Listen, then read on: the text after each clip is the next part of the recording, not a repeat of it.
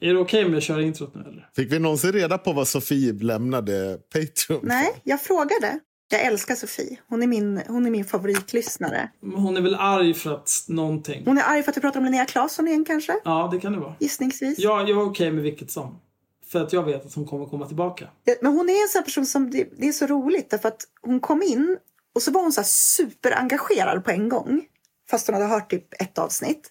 Och så taggade in henne överallt. Så blev hon Patreon och så var det det bästa som hade hänt. Och sen en vecka senare så var allting bara skit och hon skulle sluta vara Patreon och allt vi gjorde var jättedåligt. Varenda gång vi släppte någonting. Jag, jag tycker att det är fantastiskt. Jag tycker det är asbra. Det där är commitment. Mm. Men det är därför vi är här. Nej.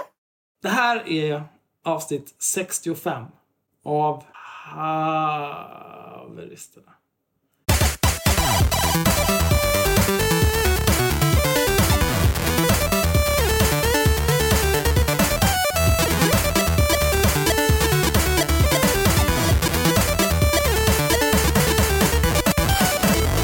Jag heter Axel, Myra heter Myra, Henrik heter Henrik. Idag är det fredagen den 10 januari, klockan är 21.24. Eh... Vad har ni gjort sen vi senast spelade in? Nej men, sluta nu. Kan vi inte ens få vara utan kallprat i den här jävla... Det här är mitt safe space. Jag har jobbat. Du kommer hit och tvinga mig att kallprata. Jag, jag kan berätta vad jag har gjort sen senast. Ja, ingen mm. bryr sig. Nej, men berätta. För jag har hotat Lunds universitet med justitieombudsmannen och eh, eh, kammarrätten här. Nej, vad, vad, jo, mm. kammar... Jo. Gud, de är så inte smarta. Jag blir så arg. Du får inte ge bort för mycket nu. Men det här... Eh, det här hör ihop med det senaste... Näst senaste Patreon-avsnittet. Näst senaste Patreon-exklusiva avsnittet. Eh, mm. Linnea Claesson är extremt klandervärd, parentes, och slickar i sig dina skattepengar, slutparentes, perm 4. Det är ju såklart en följetong. Eftersom... Eh, eftersom världen är en sorgeö. Man kan vara professor, men ändå bli eh, helt jävla räckt av att man också är en jävla boomer. som tror att det går att mytta om olika saker. Ja, men typ en så här, en privad äldre man som tycker att reglerna inte riktigt gäller honom. Inte ens typ reglerna om vad så här, demokrati är och sånt. Ja, men... Jo, men du var ju emot demokrati eller vad det var, Henrik. Ja. Alla mejl den här dagen har försvunnit på mystiskt vis. Och det är inte så det funkar med mejl. Jag jobbar med data, ni kan lita på mig när jag säger det här. Det är inte så det funkar med mejl. Mejl försvinner inte bara hur som helst från alla enheter samtidigt. Tar det 12 arbetsdagar för att plocka ut eh, mejl mellan två personer också, Axel? Eh, det beror på om man har skrivit en rad PowerShell i förväg eller inte. Men har man inte gjort det, då tar det fem minuter. Beroende på hur kompetent man är. Ja, okay. Ja, jag tänker eh, en, en offentlig eh, institution som ett universitet till exempel har förmodligen färdiga rutiner för vad som ska göras om någon begär ut uppgifter från en mailadress till en annan mailadress. Då finns det nog klart. Ja, jag tycker det också. De kanske inte har liksom färdiga skript för det, men de vet nog hur man gör det ganska snabbt. Mm. För det där är nog inte första gången det har hänt. Och eh, ja, det är inte svårt om man säger så. Och samma sak gäller liksom om mail för en hel dag magiskt försvinner från alla enheter den personen är inloggad på. Det är inga problem. Det finns backups på backups på backups på backups. Mm. Till och med om det skulle vara så att man har sprängt hela sin egen infrastruktur i luften. Det är bara att logga in på office.com så finns allting där. Och finns det inte där, det är inga problem. Det är bara att ringa till Microsoft. Allt finns sparat två år tillbaka. Inga problem. Och det är därför man inte mejlar om känsliga saker från sin arbetsmail. Pojkar och flickor. I alla fall inte om man ska mytta om att saker har försvunnit. Precis, och det är framförallt ingenting vi ska uppmana folk om att sluta att göra. För att om folk slutar göra det, då har inte vi så mycket att...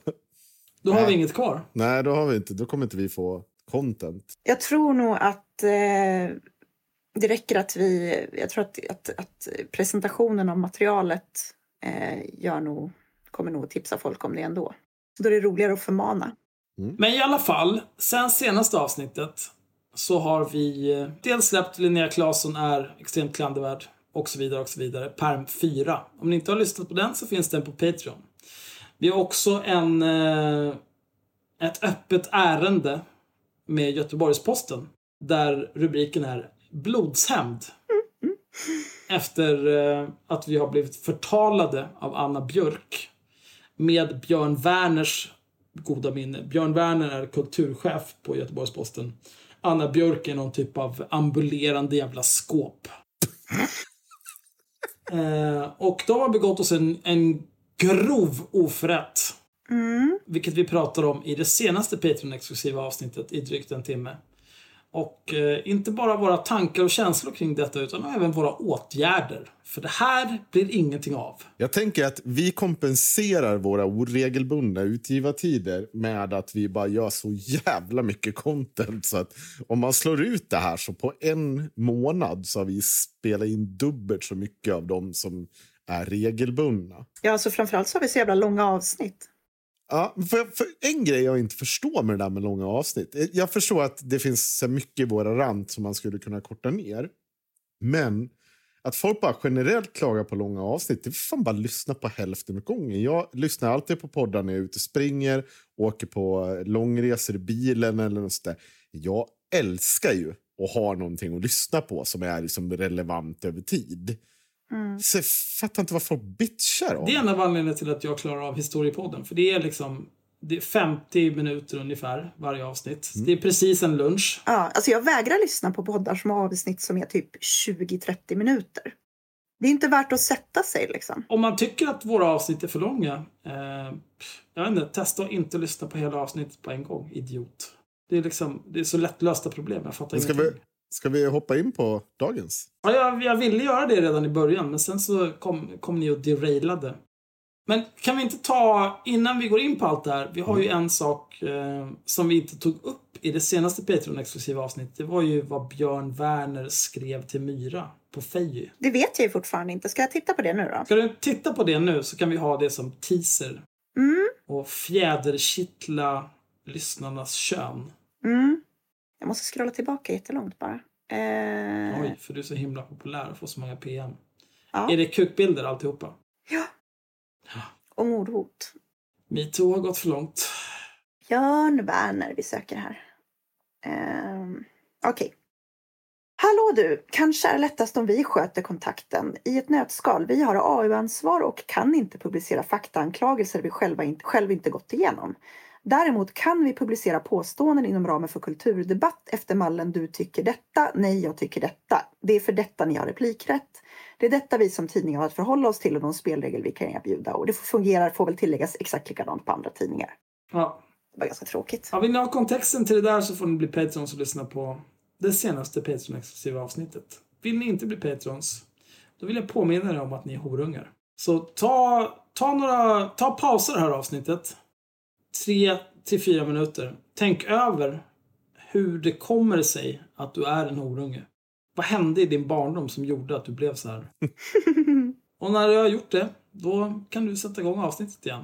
För nu kör vi! Avsnitt 65, Haveristerna. qa avsnittet Wow, vilka lätta pengar. Våra lyssnare har skapat allt content åt oss. Gud vad skönt. Det beror ju lite på vad de har ställt för frågor i och för sig. Det kanske är skitjobbigt att svara på. Ja, det är förmodligen bara dåliga frågor. Jag tar Patreon-frågorna först så behöver jag inte tänka mer på det här sen. Nej, okej. Mm. Björn på Patreon frågar. Vad ska vi göra för att utplåna ängsligheten som hämmar den svenska vänstern? Dansbandshögern och kristenheten verkar ju ta över det här jävla landet. Okej. Jag tänker inte göra någonting. Oj, det var, en, det var en stor fråga på en gång. Ja. Det här är ju eh, det här är ju en fråga till haveristerna, det politiska partiet som inte existerar. Jag tänker inte göra någonting. Jag tänker eh, sova tills jag vaknar imorgon. Äta pizza. Spela vidja. Jag kommer, jag, jag kommer bara spela, imorgon kommer jag bara spela Path of Exile. Jag kommer spela min eh, Molten Strike Juggernaut som är fan baller. Helt jävla odödlig. Så kommer jag göra det. Varför spelar man ens Path of Exile om Diablo finns? För att eh, man inte är en jävla kasull. För att man inte vill spela en av tre cookie cutter builds som funkar i den nuvarande säsongen. Ja, okej. Okej. Men eh, det är ju inte ett svar på frågan. Ja, Det var väl ett utmärkt svar på frågan. Jag tänker också att det, du, det finns en poäng i det du säger Axel, att det, är, eh, det där är ett, egentligen en fråga för partiet haveristerna. Fast det, eller det är det inte. Jag kan tycka så här bara att för det första så tror jag inte att det är... Alltså det, det är en bild som högern har satt på vänstern och lyckats ganska väl med det. Är den helt osann? Nej, absolut inte. Vänstern har länge försökt varit med, för mer än vad den är. Vänstern någonstans i grunden tänkt att bygga på arbetare och jada jada. Eh, hela den grejen. Vi har varit inkluderande från allt med människor som är väldigt välavlönade till de som är, har det sämst. Vi har varit en inkluderande vänster. Men vi har också varit så, försökt vara så jävla inkluderande att vi har tappat... Alltså att ingen riktigt vet vad vi är. Vi ber om ursäkt för vår egen existens till viss del. Och jag tror att det behövs en kaxigare vänster. Eh, som är smartare än den kaxiga högern som har växt fram i och med Hanif Bali och lite annat. Malcolm Kyene och, och så vidare. Han är ju inte han stalinist. Nej, han är höger. Nej, men vad, jag, jag är så trött på så här han har inte visat någonting tendens till att han skulle ha någon åsikt eller någonting. Så varför? Han är höger som de andra. Jag har inget, han får vara höger. Jag säger bara att jag tycker det är bara löjligt att du har folk som finns i, som kallar sig vänster idag som inte har eh, varit medlemmar eller gjort någonting i, inom vänsterrörelsen på tio år och så fortfarande beter de sig som att de är vänster. Jan Sjunnesson springer runt och skryter med att när han var 12 så var han minsann kommunist. Vem fan bryr sig? Du har varit rasist de senaste tio åren. Sitt ner och håll käften, gubbjävel. Oj. Fan vad arg. Jag, jag skulle säga att eh, om man aldrig har jobbat i hela sitt liv, trots att man är arbetsför, då har man förverkat sin rätt som svensk. Okej, Mattias Karlsson. Han har ju aldrig jobbat en dag i sitt liv. Han och Jimmy Åkesson ska ju ut. Mm. Jag skulle inte säga att det bara handlar om att eh, vänstern är eh, att vänstern liksom är mesig. Jag tror inte att det har med vänstern Jag tror inte att vänstern har varit mesig. Däremot så har vi haft um, Alltså jag tycker att högern är, ju, högern är ju ännu mer snöflingor än vad vänstern är ganska ofta.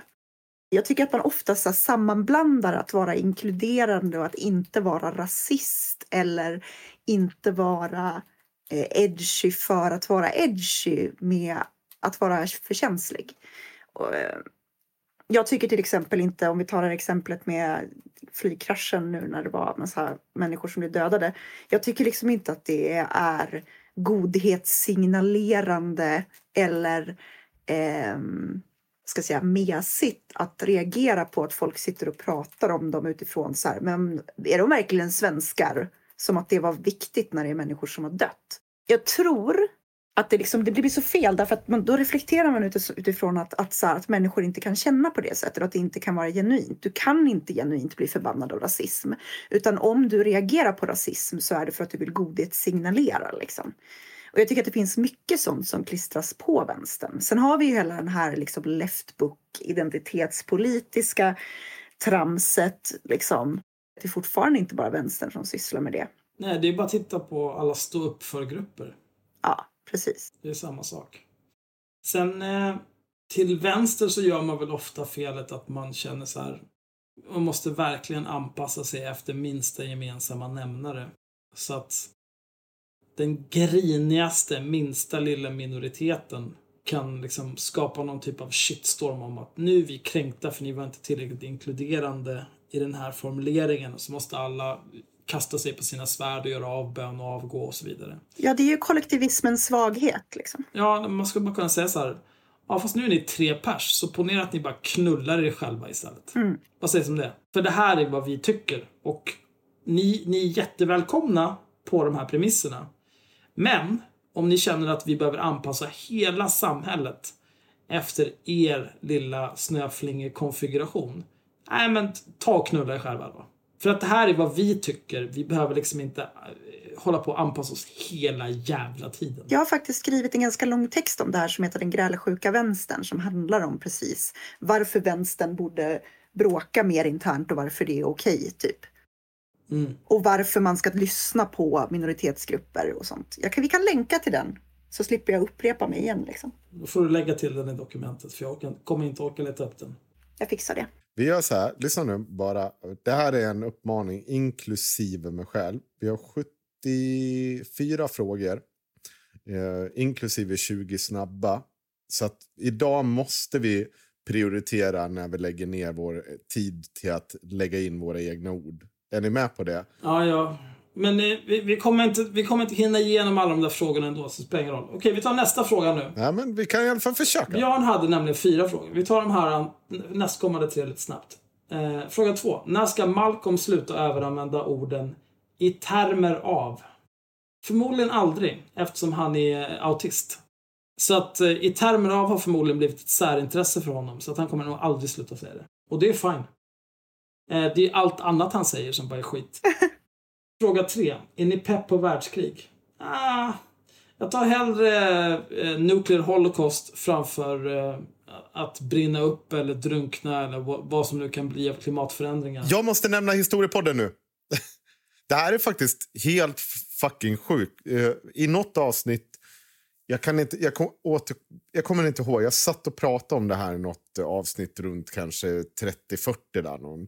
Då hade jag lyssnat på Historiepoddens eh, eh, eh special om jag tror det första världskriget. Och Då pratade de väldigt mycket om vad som ledde upp till första kriget och den här romantiseringen av krig som skedde under fredstiden där i liksom efter krigen på 1800-talet fram till första världskriget. Och hur alla de här liksom, böckerna skrevs om den nobla riddaren som skulle ut och eh, skipa rättvisa.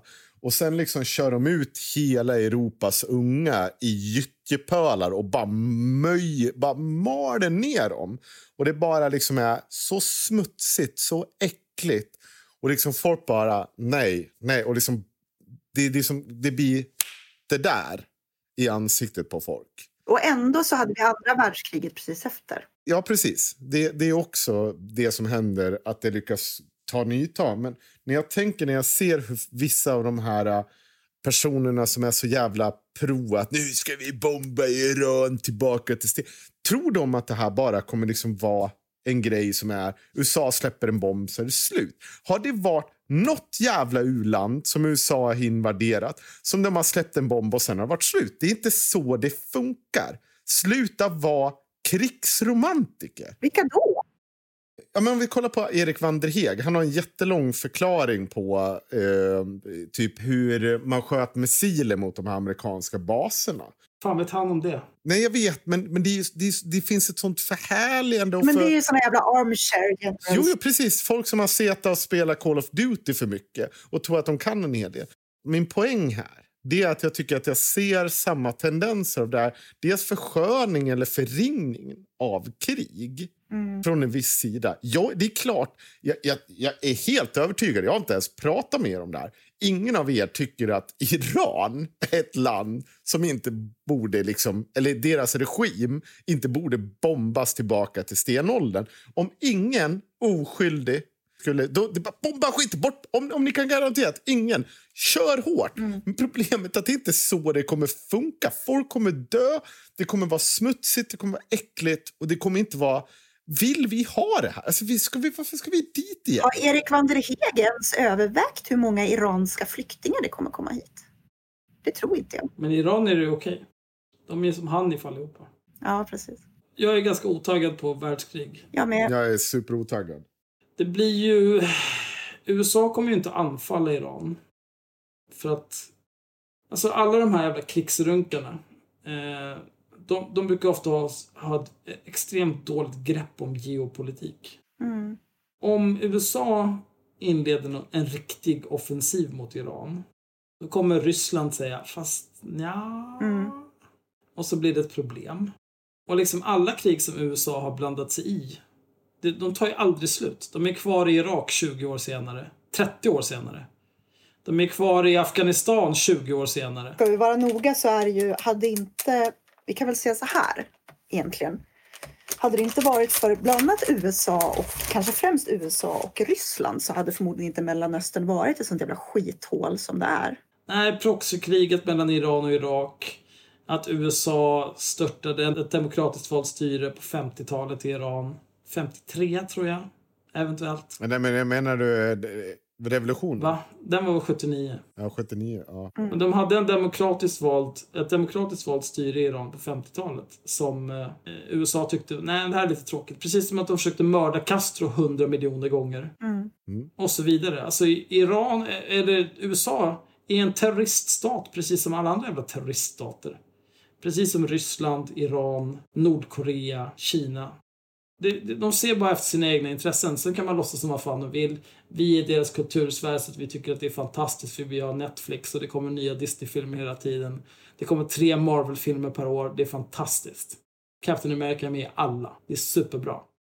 Men de är horungar precis som alla andra. Det bästa med den här konflikten är ju att det har blivit så dålig stämning bland alla, eh, bland alla kryptonassar. Vad tycker du om? Jo men hela så här nasserörelsen eh, är, är ju skitsura för att ehm, för att USA har attackerat Iran eller för att USA har bråkat med Iran. Varför då? Ja, det är lite oklart. Jag tror att det har att göra med att man- gillar inte USA och sen så jag har inte satt mig in i det supermycket ska jag säga. Men jag tror också att det har att göra med att man tänker att det kommer komma fler flyktingar som vi kommer tvingas ta emot Nej, det också. har det inte. Det, det Jo. har att göra med antisemitismen. Eh, hos, Ja, det eh, också. Men, men det har också att göra med flyktingar. Jag satt och läste under Jeff, Jeff Ahl hade skrivit om det här, alltså Jeff Ahl från Alternativ för Sverige. Och varit jättearg på Trump. Eh, vilket är kul, för alla de älskade ju Trump. Och då hade han massa som bara öh, öh, nu ska jag inte rösta på FS, öh, typ. Eh, och det var, det, var, det var roligt.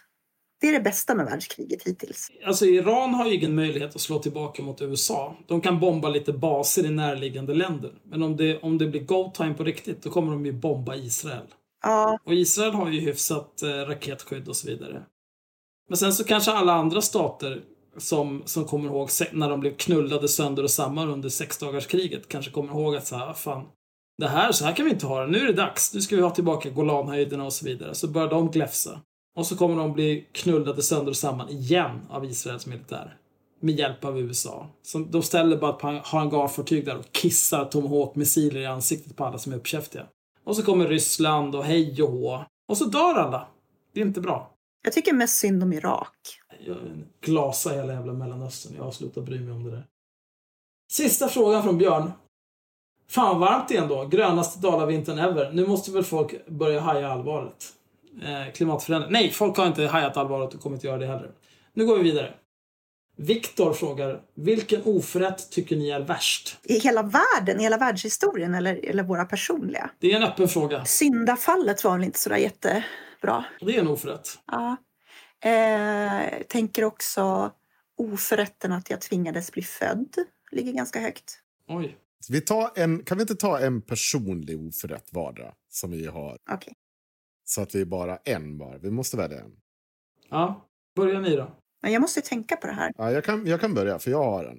Jag har en sådär. eh, Min personliga oförrätt, det är liksom allt som har hänt på sistone och hur långt man har dragit eh, tanken om att jag skulle typ vara våldsam mot kvinnor. Det är någonting som jag inte kommer att släppa. Ja, det har vi märkt. Det kommer jag kuka ur över. Men inte på ett våldsamt sätt, utan jag kommer bara vara en haverist. Mm. Ja, vad fan ska jag säga? Alltså, jag skulle säga att eh, allting, jag har nog ingen så specifik oförrätt, men jag skulle säga allting som har att göra med eh, att på olika sätt försöka sprida massa skit om mig som inte har någonting med verkligheten att göra. Sånt lägger jag på minnet. Trippelbecky. Mm. Och en dag så kommer de här människorna att vara i en situation där jag kan, där jag kan använda det emot dem och då kommer jag att göra det. En dag är de inte på main. Nej, De är på armlängds avstånd. precis. Eh, jag, inte, jag tror min största oförrätt just nu är nog eh, Göteborgs-Posten. Anna Björk och Björn Werner. Men det är för att det är det nyaste också. Eller? Mm, men jag går snabbt vidare. Jag brukar ofta säga att oförrätter är för evigt och de är för evigt. Eh, jag blev ju eh, för inte så länge sedan utsatt för det här årtusendets största justitiemord. Mm. Men samtidigt så kostade det bara pengar. Och eftersom jag till skillnad från eh, Mattias Albinsson inte är en oduglig jävla frilansande idiot utan istället en mycket framgångsrik egenföretagare inom den mycket lukrativa IT-branschen så kissar jag ju pengar så att jag kunde inte bry mig mindre om det där. Så det har lite grann tagit, det sitter i baksätet. Men det här med att vi skulle ha en agenda som handlar om att metoo har gått för långt. Mm. Det, det kommer nog eh, dominera våren 2 lax 20. Den oförrätten. Mm. Bra. Då tar jag över eh, frågorna. För det var väl allt från Patreon, eller? Unna dig, ja visst. Vi har fått extremt bra frågor. Och jag, nu, på riktigt, vi har fått mycket. Jag har inte sorterat ut dem, jag har lagt dem i ordning. Jag tror att det här kan bli hur bra som helst. Jag tror att vi kan hinna klart det här ikväll om vi bara beter oss som folk för en gångs skull. Jag vill bara påpeka att jag har varit vaken i 30 timmar. Ja. Jag har inte hela livet på mig. det. Tror gör man i kyrkan, kör bara. Jag upplever det. Eh, nu har inte jag faktiskt eh, koll på alla som har skrivit in det här och jag vet att några ville vara anonyma. Så ni alla får vara anonyma. Men det finns... Ni har varit... Stort tack för att ni har hört av er. Jag upplever det som att under senaste decenniet åtminstone så har inom vänstern i Sverige klasskampen fått stå tillbaka väldigt mycket till förmån för kampen för jämlikhet mellan könen. Mina frågor är då A. Är det detta något vi håller med om? Och jag kan säga ja på den frågan. Jag tycker att de hör ihop. Okej? Axel? Nej, jag skulle säga jämställdhet, det är, det är borgartrams. Allting är en klassfråga. Mm. Eh, däremot så har klassfrågan har fått stå tillbaka inf- eh, för eh, identitetspolitik. Av alla dess slag. Okej, för där börjar du svara på fråga B. Varför tror ni i så fall det är så? Och då har du svarat på det. Axel Myra, varför tror du att det är så? Därför att vi har haft det för bra. Ja, jag håller med. Jag håller med Myra också. Eh, och vad tycker vi i så fall om det? Ja. jag tänker börja med att svara då. För att ni har fått börja på de andra. Jag tycker såklart att det är dåligt. Och jag tycker att Myra har helt rätt i hon säger att det handlar om att eh, vi, svensk, alltså vi har haft en växande medelklass. Eh, den underklass som vi har haft i Sverige, det vill säga människor med invandrarbakgrund, eh, de har vi inte identifierat oss med. Alltså vi har inte funnit, vi, liksom, arbetarklassen har inte funnit någon samhörighet med dem. Så vi har inte accepterat att den nya underklassen är någonting vi ska, måste ta tag i igen och börja liksom fortsätta jobba med. Vi har blivit bekväma. Jag håller helt med dig. Dels att vi har Eh, en arbetarrörelse där man har jobbat väldigt mycket på att så här, ja, men man ska vidareutbilda sig, man ska bildas, alltså bildning generellt. Vilket är bra och viktigt. Och det har varit en väldigt bra grej med arbetarrörelsen. Att man har varit så här, det är viktigt att utbilda sig för att kunna få mer makt över sin situation. Men nackdelen blir ju också då att det har blivit ganska mycket så att man glömmer bort att det finns faktiskt en stor grupp människor som inte kan eller vill eller har utbildat sig och som faktiskt mer än några andra behöver eh, en stark arbetarrörelse. Det vill säga typ människor som blivit utförsäkrade och därför måste jobba på ett jävla callcenter eller jobba med gigekonomi. Eh, eller som du säger invandrare som inte kommer in på arbetsmarknaden och så vidare. Eh, för vi har en ganska högutbildad vänster idag om man tittar på de politiskt aktiva, på gott och ont. När eh, Chris Rock var värd för Oscarsgalan 2016 kanske. Då var det mycket grinande om det, var, det skulle bojkottas för det fanns inte tillräckligt mycket representation bland de som var nominerade och hej och hå. eh, en, I en del av hans monolog där så kommenterade han att det här är ju det är knappast första gången som inga afroamerikaner är nominerade eftersom det var den 88 Oscarsgalan. Och han eh, tog några exempel som till exempel runt eh, 62-63 i America. Då var det ingen som grinade över att det inte fanns några afroamerikaner representerade bland de nominerade i Oscarsgalan. För att de hade viktigare saker att tänka på, som medborgarrättsrörelsen. Och det är ett problem även i Sverige. Folk får för lite stryk. Eh, folk mår inte tillräckligt dåligt, så att de grinar över skitsaker och gör det till världens största grej. För att det kanske är det värsta som har hänt i deras liv. Men de har samtidigt inget perspektiv på någonting och de har ingen som helst kontakt med, med verkligheten. Det kan bli så otroligt mycket värre än att någon felkönar dig eller att någon tycker att din jävla åsikt kanske är skit och ber dig dra åt helvete och så blir du triggered som Hanif Bali alltid blir vi är ju skyldiga till det där också. Jag menar, vi skulle ju kunna lägga all vår poddtid eh, på att sitta, inte fan vet jag, vi skulle kunna vara ute och skolstrejka för klimatet eller någonting annat konstruktivt. Men istället sitter vi och, har liksom, och lägger timmar på massa liksom, oförrätter vi har med folk på internet. Så jag menar, vi är inte så här, vi, vi agerar ju lite på samma sätt. Fast samtidigt så vi, vi låtsas ju inte som att vi är liksom eh, alltings räddning. Henrik gör det ibland lite grann ja, jo men det är ju inte som att vi säger så här, om, om, alla bara, om alla i världen bara kunde lyssna på haveristerna och bli patrons. Då skulle vi lösa allt det här. Nej, nej, absolut. Nej, och jag vet att jag håller med om att det är en skillnad. Jag säger bara så att jag förstår, jag har viss förståelse för att man har det. Att man sätter sig och liksom tänker och sitter och skriver om hur hemskt det är att någon tolvåring har skrivit hatmejl till gardet istället för att man bara oj, jag kanske borde gå ner och, och volontärjobba på min lokala kvinnojour. Ja, men det är liksom som Stina Wolters Instagramkonto blir avstängt för att hon eh, är lite för naken. Mm. Och så rycker alla Instagram-feminister in direkt. Så, oh, det här är precis som i Handmaid's Tale. Mm. Vi lever i Gilead. Gör ni det verkligen? Gör ni det? Nej, det är lite perspektivlöst ja. Men sen, alltså jag skulle säga, jag tycker att det är viktigt att uppmärksamma sådana grejer därför att det handlar ju ofta om, men det börjar ju inte med det börjar ju inte med att du sätter eh, liksom, judar i koncentrationsläger. Någonstans börjar det ju. Eh, nu tror inte jag att Stina Wolters block på Instagram kommer vara början till att, att kvinnor fråntas alla rättigheter. Däremot när man börjar föra diskussioner om typ aborträtten eh, eller när det på olika sätt liksom blir ett väldigt hårt klimat mot feministiska frågor eller mot invandrare i stort. Då kan man börja reagera därför att det rulltrappar ganska snabbt i de här frågorna. Speciellt i och med internet. Nu tänker jag röra mig vidare till fråga två. Mm. Eh, och egentligen fråga tre och eh, fråga fem. Oj. Fint ska det vara. Ja, nah, ja. Vi börjar med så, så egentligen, vem blir nästa gäst i podden? Vilka andra gäster har ni planerat att eh, delta i podden framöver? Och det här är, jag tänker börja med att svara att ni är dumma i huvudet om ni tror att vi sitter och planerar saker allt för mycket. Väldigt mycket bara händer. Mm. Eh, så nej. Men däremot så är det så att Jens Garnman har vi diskuterat med att han ska komma till podden. Det här vet inte ens Myra om, tror jag. Jo. Men jag hade tanken att jag skulle göra en intervju med honom, men nu var han på resande fot. Så han säger, skriver då att han vill vara med i podden istället. Och då tycker jag att det, det då, men nu har folk fått veta det. Det här är de värsta gästerna. För att i nio fall av tio så är det typ att Henrik bråkar med någon på internet. Och sen så bjuder han in dem till podden utan att fråga mig och Axel.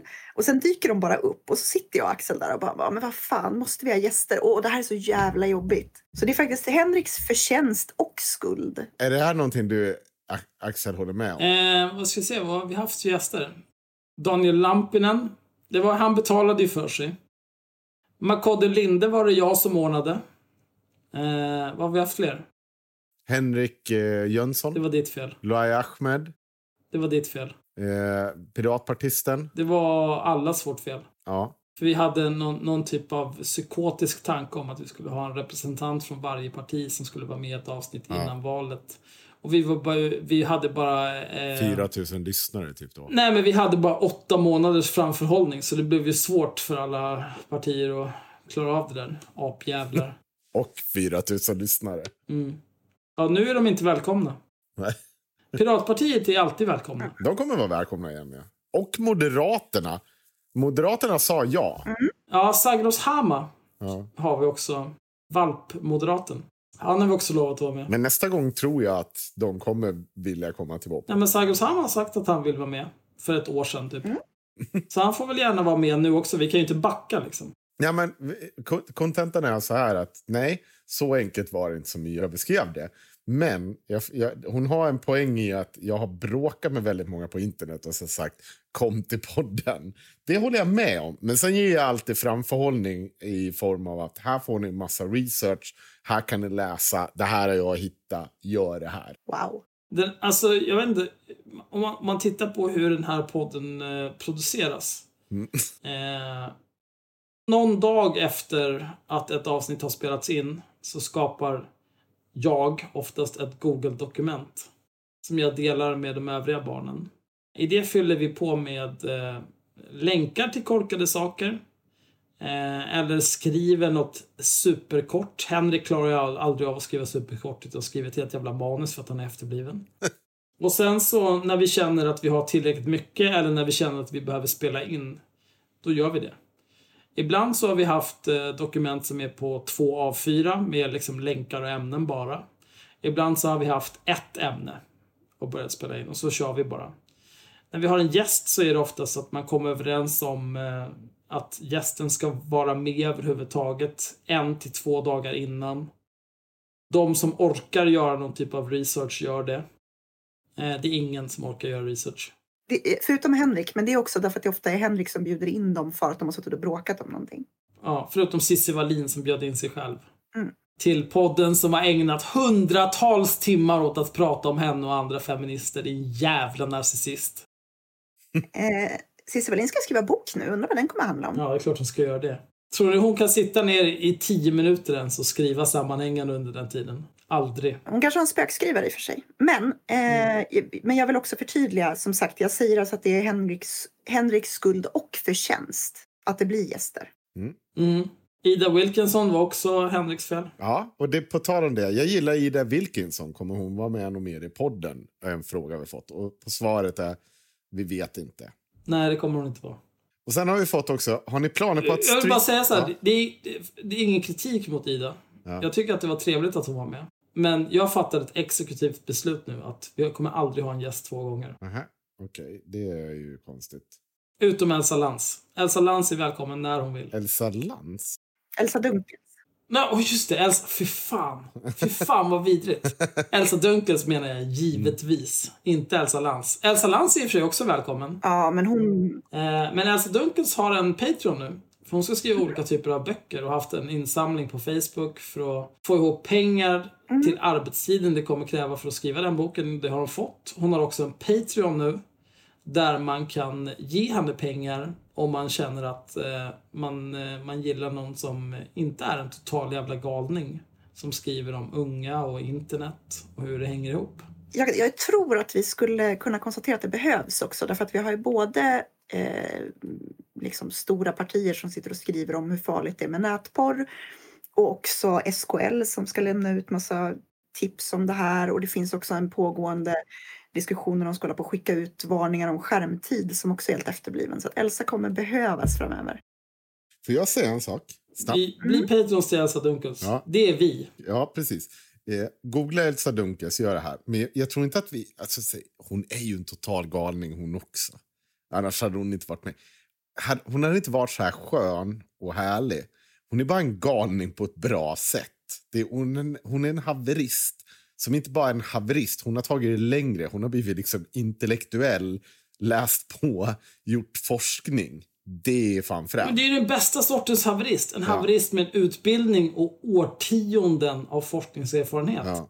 Det, det, går inte att vinna mot den typen av haveri. Vi har också fått frågor om, har ni planerat plan, planer på att eh, streama spel som ni gjorde förut? Gillade era streams i Borderlands? Oj, det var länge sedan. Ja, det var väldigt länge sedan. Eh, vi, vi har faktiskt pratat lite grann om det där. Vi, vi kommer eh, säkert streama någonting tillsammans när vi har någonting som vi spelar tillsammans. Ja. Just nu så är eh, Henrik kan bara spela ett spel i taget. Han spelar Apex Legends. Eh, som är ett jävla skitspel. Det kommer någon fråga om det där sen tror jag. Ja, men då betar vi av den nu så kan vi skita den sen. Nej, men det, det är inte... Det är inte det, det, ja, fortsätt. Och jag spelar eh, World of Warcraft och nu också Path of Exile. Men det är mest för att när jag startade min eh, första karaktär i den här ligan så fick jag en tabula rasa på min första metamorph. Så det var superstronk. Och då kände jag, nu orkar jag spela det här spelet. I WoW så börjar en ny säsong nästa onsdag. Då kommer det bli en hel del Jag kan streama lite WoW Det är ju ändå lite idioter från Discord och så vidare som är spelare. Kom och lek på Discord om ni vill och börja spela WoW. Alliance på Kazak. Vi är 230 personer som spelar Alliance på Kazak mot 8700 hård. Det är kul. Om man inte har War Mode på, då är man en tönt. Du menar PVP? Ja, nu, det finns inga PVP-servrar längre utan man slår av och på War Mode. Så alla är PVE-servrar? Ja, eller PVP. Gud vad Om man är brave enough. Precis som med dildos. mm. Ja. Ehm, då har vi fråga sju. Har Della Q-idioterna gett något svar på ert avsnitt? Blir det någon uppföljning?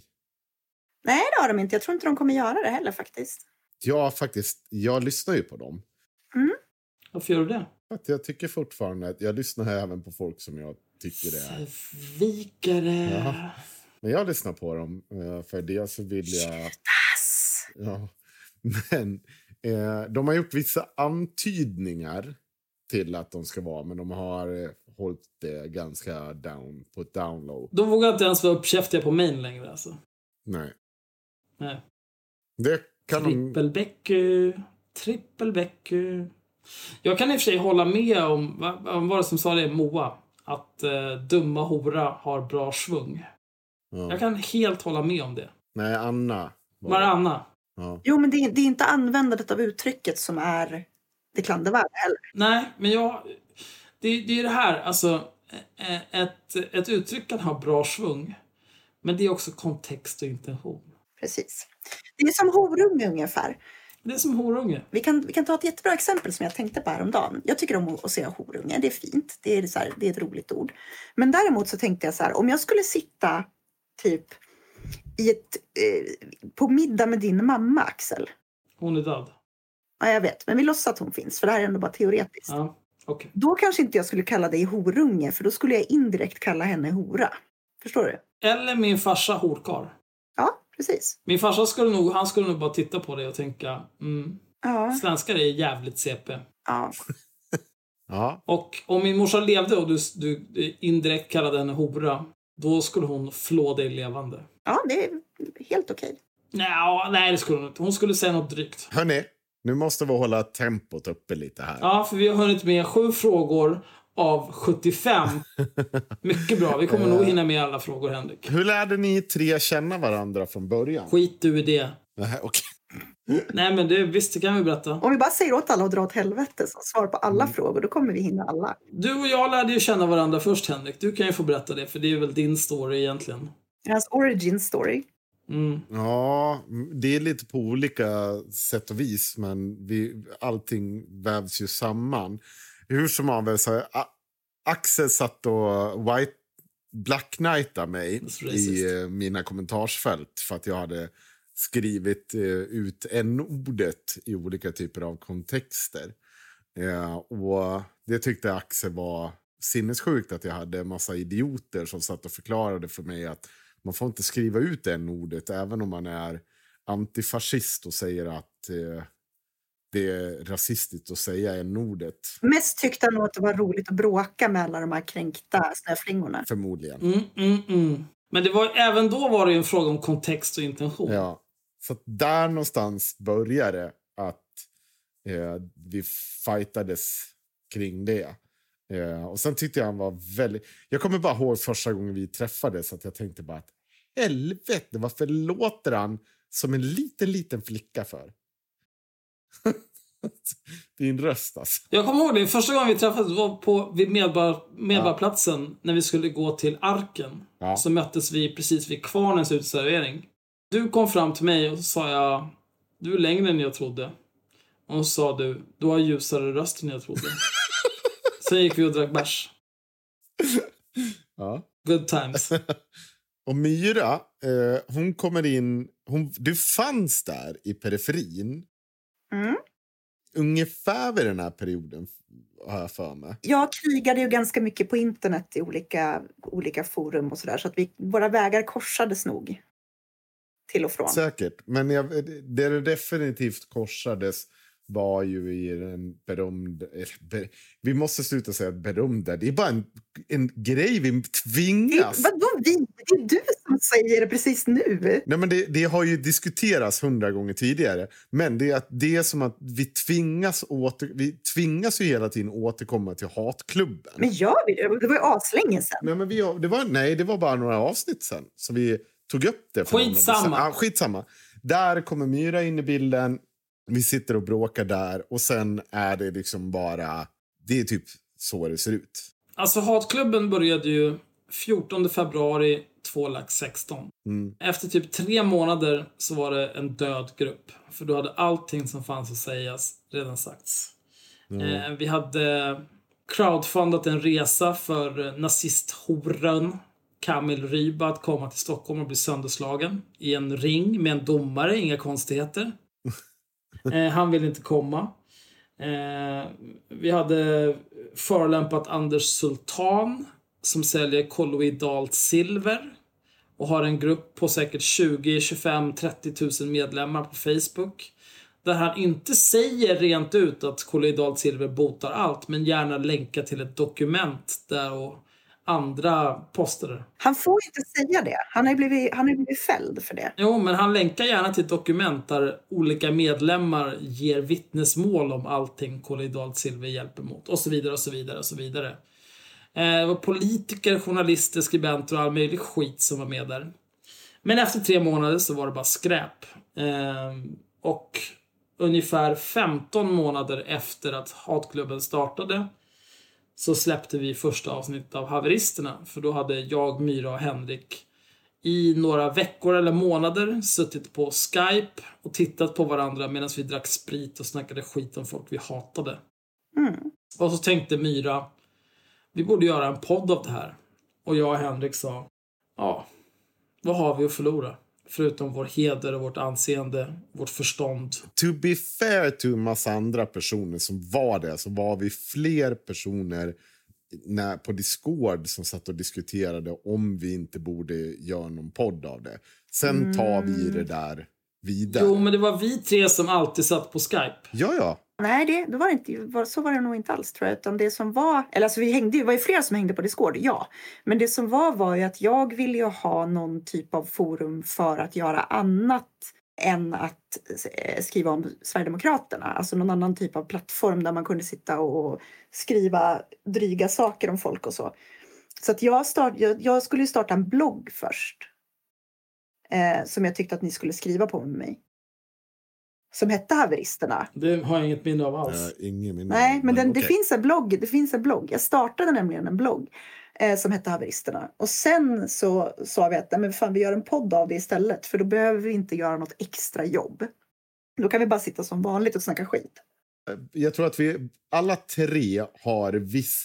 För jag kan säga så här, när Myra berättar om vår begynnelsehistoria så håller inte jag riktigt med. Nej, det är klart. Men, men med ett stort men, att jag inte riktigt litar på min egen begynnelsehistoria heller. Så att låt det bara vara liksom... Ja, men då kan ni bara lyssna på mig, för jag kommer ihåg precis hur det var. Ja, det är klart du gör. Ja, det är klart jag gör det. Jag är inte dement. Ja, nej. Bra, då har vi besvarat det. Nu går vi vidare. Ja, då, då har vi fått frågan så här. Eh, vem är, vore eran drömgäst? Eventuellt både ur idoliserande och avsmakssynpunkt. Alltså att då, då ska vi säga så här. Vi tar en varsin. Eh, en idol och en som vi vill ha med bara för att sitta och bråka med. Vad säger ni om det? Ja, visst. Jag tänker inte börja den här gången. Eh, någon annan får börja. Men du har ju suttit, och suttit på de här frågorna och kunnat tänka på dem. Jag får höra dem för första gången nu. Det är därför du ska börja. bärs. Jag går och hämtar en bärs. Vilken jävla kuk han är. Åh, fy fan. Eh, Riktigt jävla äckligt. v- alltså, jag vet inte. Jag, jag, jag vill bara inte ha några gäster. Jag tycker det är jobbigt med gäster. Jag tycker bäst om den här podden om jag slipper så många människor som möjligt. Ja, jag, jag är helt med dig Myra. Jag vill inte heller ha några gäster. Jag tycker att gäster är typ det jobbigaste. De absolut värsta avsnitten vi har spelat in är när vi har gäster. För att det... Eh, Elsa Dunkels var okej, för att där, med henne är vi ju överens. Och vi förlitar oss ju på hennes expertis inom ämnena vi pratar om. Men det är mer av, en, mer av ett samtal. Jag vet att jag såg någon fråga om det där också. Alltså vad är skillnaden mellan en debatt och ett samtal? Ett samtal är okej, för det är bara att sitta och prata om saker man tycker är intressant och lära sig saker och fråga, ja men hur är det med det här? Det är okej. Mm. Men det var ju typ det vi hade med Daniel Lampinen också, tycker jag. Ja. Det, det, det var närmare Elsa Dunkels än Luai Ahmed. Hörni, In, Ja. nu, nu, nu går ni, för det är inte riktigt... Ja, nu ska vi komma och förstöra allt. Ja. Men alltså du, Ja, du kan ju inte bara gå iväg och sen komma tillbaka mitt i vårt resonemang och så ska du komma och bestämma vad vi ska prata om. Du får ju bestämma dig. Antingen så får du ju styra. Fast det är inte frågan. Jag är inte frågan. Ja, jag säger den, den absolut eh, värsta gäst jag kan tänka mig, som jag bara skulle skälla ut, det är antingen Martin Saxlind eller Kristoffer Dullny. Mm. Jag har ingen gäst som jag vill ha med i podden, som jag vill sitta och gurgla pung på. Jag vill inte heller sitta med någon speciell i podden. Jag känner väl typ att är det någon jag gillar får de hellre sitta i ett sammanhang där de känner sig bekväma och prata om någonting. Så nej, jag har inte heller några önskegäster egentligen. Ingen hatgäst heller. Alltså någon som jag vill ska komma hit och, och bli utskälld. Daniel Friberg tror jag skulle vara roligt också. Ja, jo men alltså vem som helst av de här jävla nassesvinen. Är, det, men det känns också så ganska gjort. Daniel Frändelöv. Åh, nej, jag ändrar allt. Daniel Frändelöv. Jag vill ha Daniel Frändelöv. Lever han ens? Konrad, alltså. Tändsticks-Konrad. Ja. Lilla kackerlacka alltså. Nej men i så fall så säger jag väl typ Malcolm. Usch. Bara för att det vore så bra och... Eller Navid Modiri tänker jag säga. Navid Modiri. Just det, eh, Navid Modiri har ju sagt ja till att vara med. Det där skulle ju du styra upp Henrik. Mm, det var ett tag sedan. Eh, Ja, men du får lösa det. Det får jag lösa. För vi kan inte ha det så att han kan säga att jag har sagt ja till att vara med i haveristerna men de har inte bjudit in mig. Det går inte. Men det är för att jag vill sitta och vara Navid Modiri ett helt avsnitt. Kan du provprata lite grann om när du bjöd in en förintelseförnekare till din podd och inte ställde några kritiska frågor? Och så ska vi meditera tillsammans. Hur tänker du kring det? Ska vi sätta oss i det här helt tysta rummet och meditera kring den här Ja. frågan? Din jävla apa. Jag har helt tappat namnet på eh, de som var med i... Heter podden I stormens öga? Stormens utveckling. Ja, I stormens utveckling. Heter så? Det låter extremt pretentiöst namn. Jag säger nej. Vilka är det? Stormens utveckling är den på Aftonbladet Kultur. Ugh. Men vilka tänker du på? Men det är... Vad heter hon? Det är två tjejer som... En varg söker sin podd. Ja, en varg söker sin podd, ja. Vad heter de? Mm. Liv och... Ja, fråga inte mig, jag är världens sämsta namnminne. Liv Strömquist. Ja. Jag, jag, jag skulle vilja ha Liv Strömquist med eh, i den här podden. Alltså som jag skulle liksom vilja sitta och bryta lite arm med. Och förhoppningsvis på alltså, good terms, att det inte är så att det är genuint jag är intresserad och att när jag säger det, att det inte blir liksom en sån stor grej av att man tjafsar emot. Liv Strömquist är en sån där person som jag tycker är superintressant. Det är en väldigt bra podd om ni inte har lyssnat på den. Så borde ni lyssna på den. Jag har en olivkvist också. Mhm. Eh, Jag skulle kunna tänka mig både Ryss-Julia och Härskaras-Julia. Eller Härskaras-Julia. Ja, de är också. Ryss-Julia och eller Härskaras-Julia. Dels att de verkar vara ganska... Verkar vara ganska lätta att prata med. Och det här är alltså folket från, bakom Daddy Issues. Och jag tror att vi skulle komma väl överens trots att eh, de är kapitalistlackejer som gör reklam för vårdappen Kry. Men eftersom jag redan har bärsat dem för det så tänker jag att du, du sträcker ut den här olivkvisten. Att de ändå är, de är skön. De är skön. Sen så skulle jag ju gärna ha med Linnea Claesson bara för att man skulle kunna bli av med de här jävla frågorna som ingen ställer. Nej, för fan. Hon skulle bara sitta och sucka som hon gjorde i söndagsintervjun. Ja, just därför. Jag skulle tycka att det var oerhört roligt. Ja. Det hade varit också min... Fast jag var faktiskt... här- Jag satt och tänkte också på Konrad väldigt mycket. Ja, Konrad Eh, alltså. Innan det här, när jag såg den där frågan. För jag tänkte så här, ja men Linnea Claesson. Ja, fast det är lite too obvious. Hon är inte först på min lista faktiskt. Nej, hon är inte först på min lista. Och jag vet inte fan om Konrad är först på min lista heller av personer som jag tycker är liksom... Jimmy Åkesson vill jag ha med. Nej. Jo, Nej, Men Jo, nej, nej, nej, för fan. Nej, jag vet inte. Det kan inte jag svara på. Nej, det, det får du fråga honom på. Det. Det vet jag. Han är ju ett jävla neutrum. Nej, men det är bara för att man får sitta och skrika på honom. Nej, fan vad ointressant alltså. Nej, Och vilket slöseri med tid. hans tid också. Det där skulle du bara må dåligt av. Nej. Ja. Men du gör som du vill, Myra. Vill du bjuda in Jimmy också, då får du göra det. Axel, hur har det gått med din tandvård? Ja, det går strålande. Ja, toppen. Nej. Okej. Jag, jag, var, jag var hos tandläkaren och sen så var jag hos tandhygienist fyra gånger. De tog en kvadrant i taget. Innan vi började spela in det här, då kom jag hem efter att ha druckit eh, tre bärs med en kompis. Så kom jag hem och så kände jag fan mina tänder är ganska äckliga. Tandtrådade jag lite grann. Använde mina mellanrumstandborstar. Och sen när vi har spelat in det här och jag har slutat dricka bärs och slutat snusa, då ska jag gå och borsta tänderna med min elektriska tandborste som min tandhygienist lurade på mig. Mm. Och mina tänder kommer glänsa som diamanter. You don't even know. Så det har gått bra med min tandvård. Thank you very much. Sköt din egen jävla tandvård, fitta. Vad behöver sossarna ha för fokus 2022? Ingenting. De ska vaska nästa mandatperiod. Ja. Ska de vaska nästa mandatperiod? De ska vaska nästa mandatperiod. Skit i det.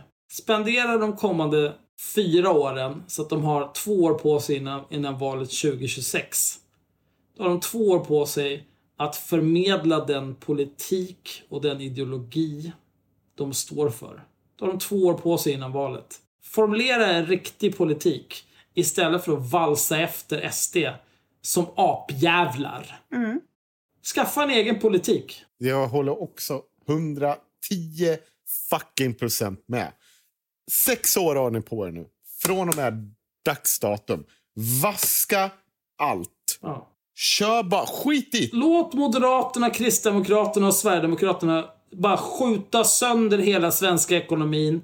Knulla sönder oss rakt ner i lågkonjunkturen. Fucking do it. Vem bryr sig? De, de kommer inte göra det. Men låt, låt det bara vara.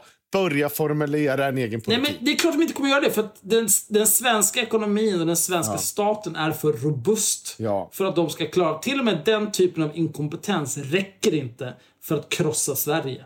Nej. De kommer göra det lite, lite sämre. Det kommer bli sämre för alla. Men alla kommer också inse Wow, de här är inte regeringsdugliga. De här är apjävlar.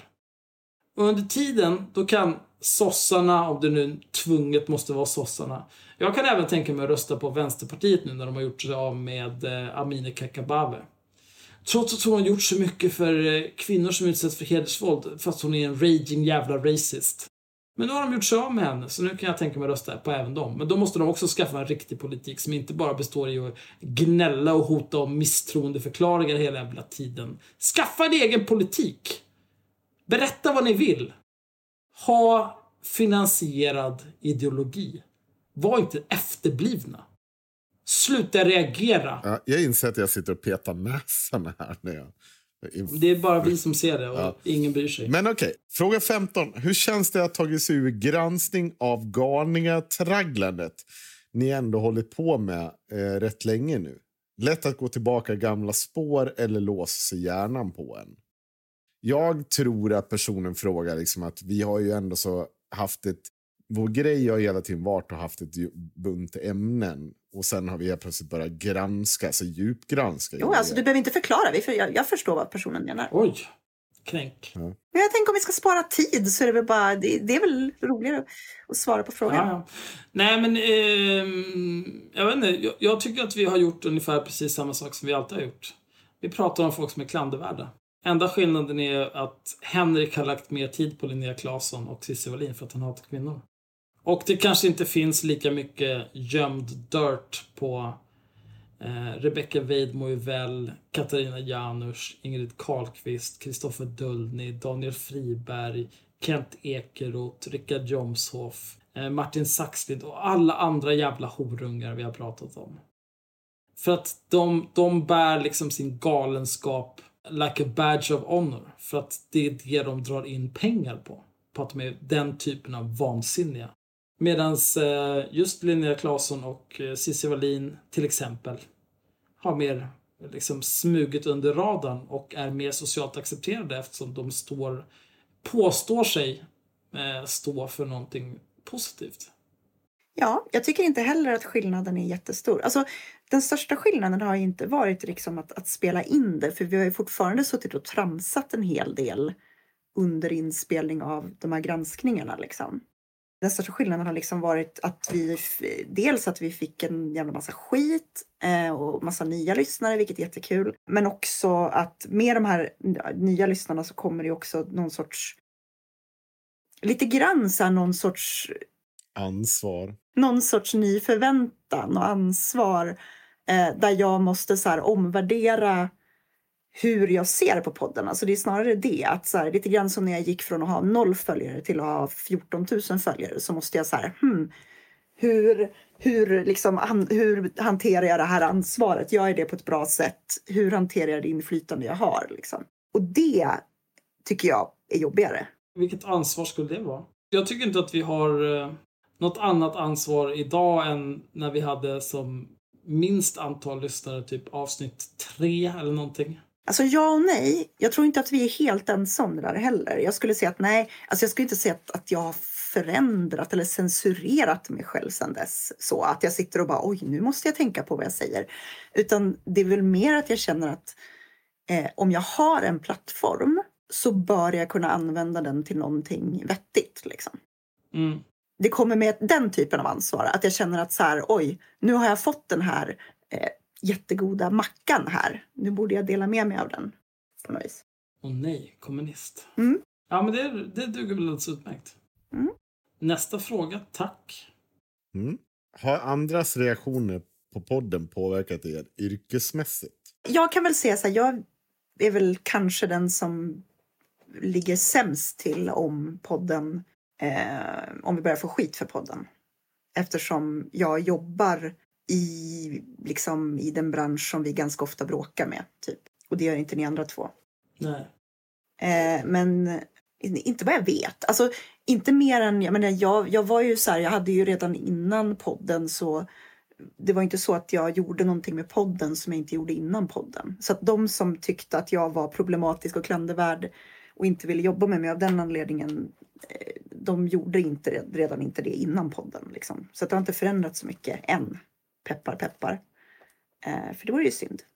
Vi får väl se om, om Göteborgs-Posten någonsin vill köpa en text av mig igen efter det här. Det blir väl intressant. Men... Annars jävlar. Då är det dubbel blodshämnd. Ja, då blir jag som Cissi Wallin som pratar om sin fasta frilansplats åt Metro. Ah. För min del så, nej, det har inte spelat någon som helst roll. Eh, när jag började där jag jobbar nu för nästan två år sedan i mars två lax 18. Då var det en kille där eh, som kände igen mig för att han lyssnade på haveristerna. Eh, pratade vi lite om det. Sen är det en annan av mina kollegor som eh, nyligen har upptäckt att jag gör den här podden. Eh, men han har inga direkta åsikter om det. Jag tror han skiter i det. Och sen har jag hört av en tidigare kollega, hej Josefin, som eh, skrev till mig och sa typ eh, jag tyckte att haveristerna är jättebra och så är det du som gör den. Wow, vilken skräll. Så det var väl fine. Det som är den, den stora behållningen för mig är, är att eh, om man tar till exempel en eh, vrålpsykopat som Cissi Wallin. Hon kan inte... Hon, hon kan sitta på Twitter och vara totalt efterbliven och prata om att Jaha, här sitter någon tjej och snackar skit om mig medan hennes kille jobbar på Avalanche där min man är chef. Om jag vore en riktig galning då skulle jag kunna få honom sparkad, hej och hå. Men hon kan inte göra det mot mig. För det är ingen i min bransch som bryr sig ett skit om Cissi Wallin och vad hon tycker. Nej. Och samma sak med Linnea Claesson och alla andra jävla apor vi pratar om. Det är ingen som bryr sig. Det enda de bryr sig om det är att jag kan datta. Nej, men det var ju det jag menade. Att så här, jag, jag kan ju tänka mig att det finns säkert människor på Aftonbladet till exempel som är arbetsgivare åt Linnea Claesson som inte tycker jättebra om mig just nu. Så det är tur att jag inte brukar skicka grejer till Aftonbladet. Tur att vi har så många patrons som täcker upp det där inkomstbortfallet. Ah, ja, Mm. men det är okej. Så länge jag inte är personen non grata i hela svenska media så, så länge jag har någon kvar. Liksom. Vi behöver inte bråka med alla tidningar i Sverige. Än. Eller? Mm. Henrik, har du någonting då? Jag har ju fått höra det här rent internt jobbmässigt. Har jag fått se och förklara mig varför jag har gjort de här granskningarna. Och det inte påverkar mig jättemycket för att jag har bra chefer som eh, förstår skillnaden mellan att, liksom, att det finns som vägrar liksom acceptera att det finns några heliga kor. Och, ja, så. Men absolut, det påverkar mig, har påverkat mig jättemycket och det kommer påverka mig. Men jag har heller ingen liksom, ambition att vara inom... Alltså, så här, jag, jag vill gärna kunna säga saker i offentligheten men det är inte ett krav för mig att vara inom offentligheten. Utan jag vill ha den typen av eh, rykte att jag vågar säga saker när det blir obekvämt. Alltså det, fast det inte var ett kukhuvud. Man är inte Erik van der Heg som sitter och eh, tar upp eh, bakgrunden på Skriver dem. ut personnummer på folk som har dött i en flygolycka. Ja, det, det är liksom så här, det, utan snarare att okej, okay, här finns det ett problem. Det finns ett problem med eh, inom feminismen eller antirasismen eller fascismen. Alla de tre. För jag får skit för vilket ett område jag ger mig in i. Men jag vill vara den som vågar ge sig in i de områdena. Eller det som har den självbilden. Sen är inte allt, alltså, så man får inte ta sig själv för på stort allvar. Men nej, nej, det har påverkat, men det är ingen stor grej. Och så går vi vidare till nästa fråga. Mm. Era tips på mest intressanta feministiska breda tolkningar, inom parentes, att följa just. Vare sig det rör sig om en skribent, instagrammare eller plattform, det är, eh, som det nu må vara.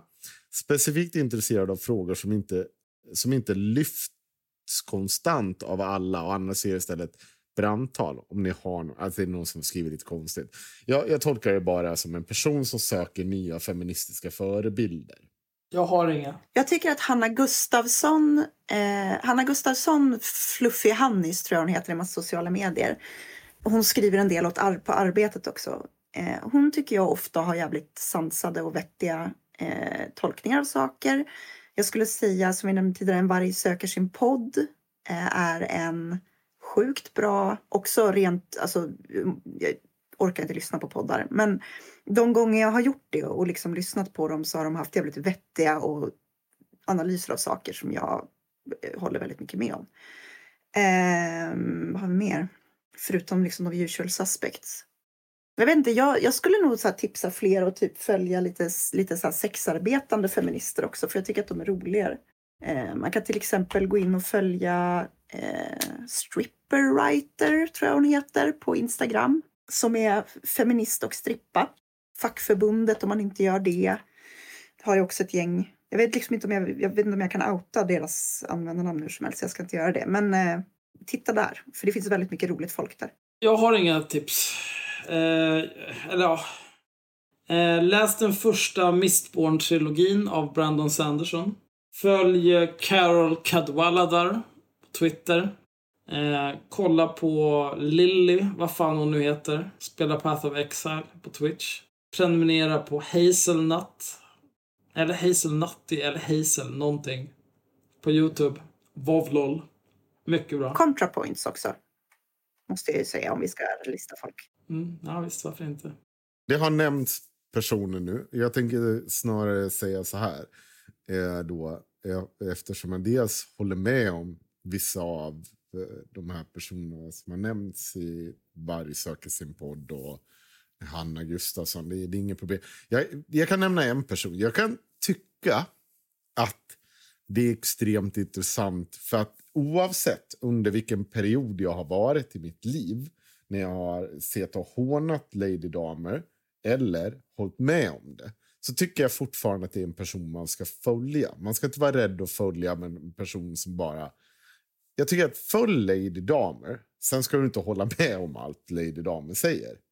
Men alltså, det finns saker att tycka och tänka kring det. Jag tog inte upp henne för jag tänkte att hon var så självskriven. Jag tänker att förhållningssätt är att snarare bara människor som är villiga att omvärdera sina åsikter och som inte låser sig fast i ett krig.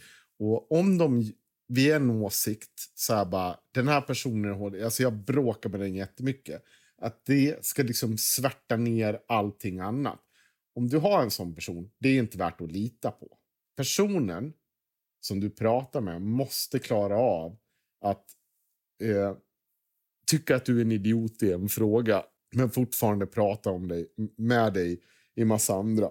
Superviktig sak. Nu sitter jag och typ rapar upp eh, massor med vad duktig du är. Mm? Ta nästa fråga nu när jag bajsar på mig. Behöver du gå och bajsa, Nej. Axel? Säker? Men jag bara bajsar på mig av, eh, jag vet inte, livet. Ja. Jag är nyfiken på om ni gjort någon efterforskning om Joakim Lamotte har redovisat för sin insamling. Och då kan vi också, kommer det någon perm på Joakim Lamotte? De två frågorna kan vi slå ihop. Ja, jag har tittat på hans ekonomi. Han redovisar sin ekonomi, vad jag har sett och vad jag kan se efter konstens alla regler. Så det, det är inga konstigheter där.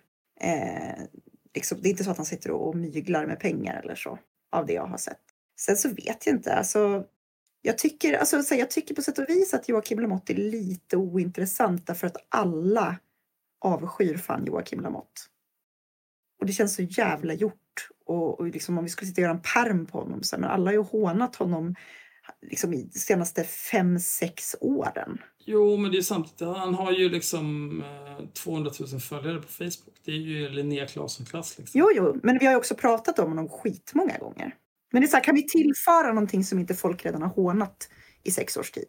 Skillnaden mellan Joakim Lamotte och, och Linnea Claesson är ju att Linnea Claesson låtsas ju vara det bästa som har hänt sen skivat smör.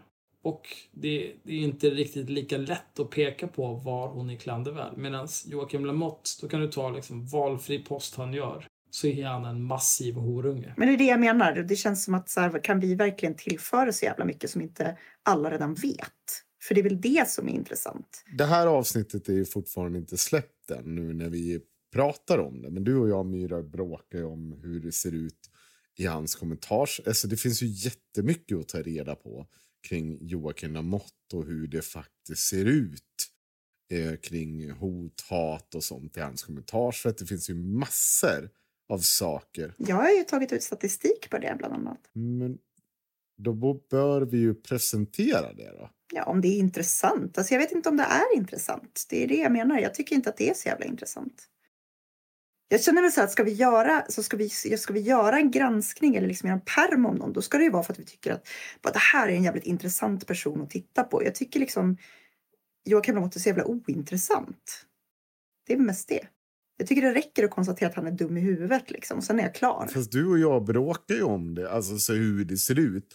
Eh, och det tror jag, då är det ju extremt viktigt för allmänheten att se hur det ser ut i ett kommentarsfält. Är det så så äckligt som det beskrivs eller är det på ett annat sätt? Finns det, alltså så här, vad är statistiken? Det vore ju, för vi har ju gjort på Linnea Claesson så har ju vi en, alltså jag har eh, satt mig ner och försökt ta ut så här, så här tjänar hon, så här, det här är vad hon gör i offentligheten, det här är det. Och det, jag tycker att detsamma borde vi göra på Lamotte också. Nej men alltså som sagt, alltså är det så att vi kan komma på någonting som inte redan typ Andreas Magnusson på Paragraf har gjort 30 000 gånger och så vidare.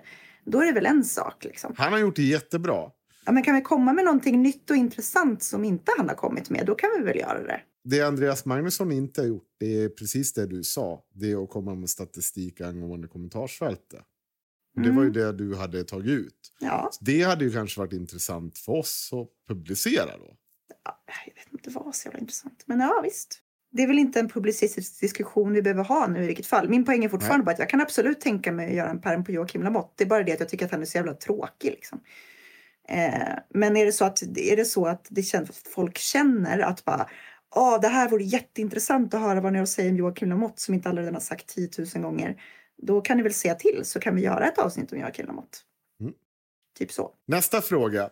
Är demokrati bra eller anus om man har en strategi för samhällets utveckling? Ni kommer få... Anus. Ja, jag, jag, kommer, jag har ju mina trådlösa headsen. När jag går härifrån så lyssnar jag fortfarande på er. Så om ni börjar diskutera så kommer det jag... Det finns ingenting att diskutera. Men då är demokrati bra eller anus? Ja, alltså vilken jävla fråga. Hur långt är ett snöre? Alltså demokrati är väl demokrati är det minst dåliga alternativet. Är det det? Ja. Ja, jag känner eh, en upplyst despot. Det är det som behövs. Jo, alltså absolut. Om jag skulle få liksom, vara diktator så skulle det vara bättre för mig.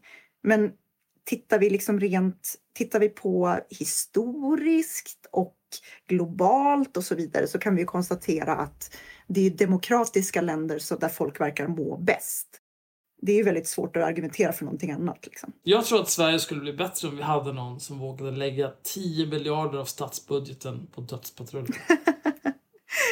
Du vill alltså ha en president? Är det det du menar? Ja, någon som pekar med hela handen.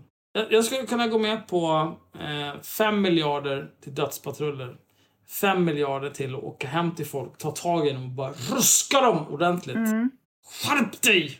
Jag eh, skulle i och för sig hellre se någon typ av tjänstemannastyre än politikerstyre. Men det har ingenting med demokrati att göra. Det skulle fortfarande behöva vara demokratiskt. Så att, Ja, jag säger nej till demokrati. Jag tycker det är dåligt. Jag säger ja. Pöbelslickare.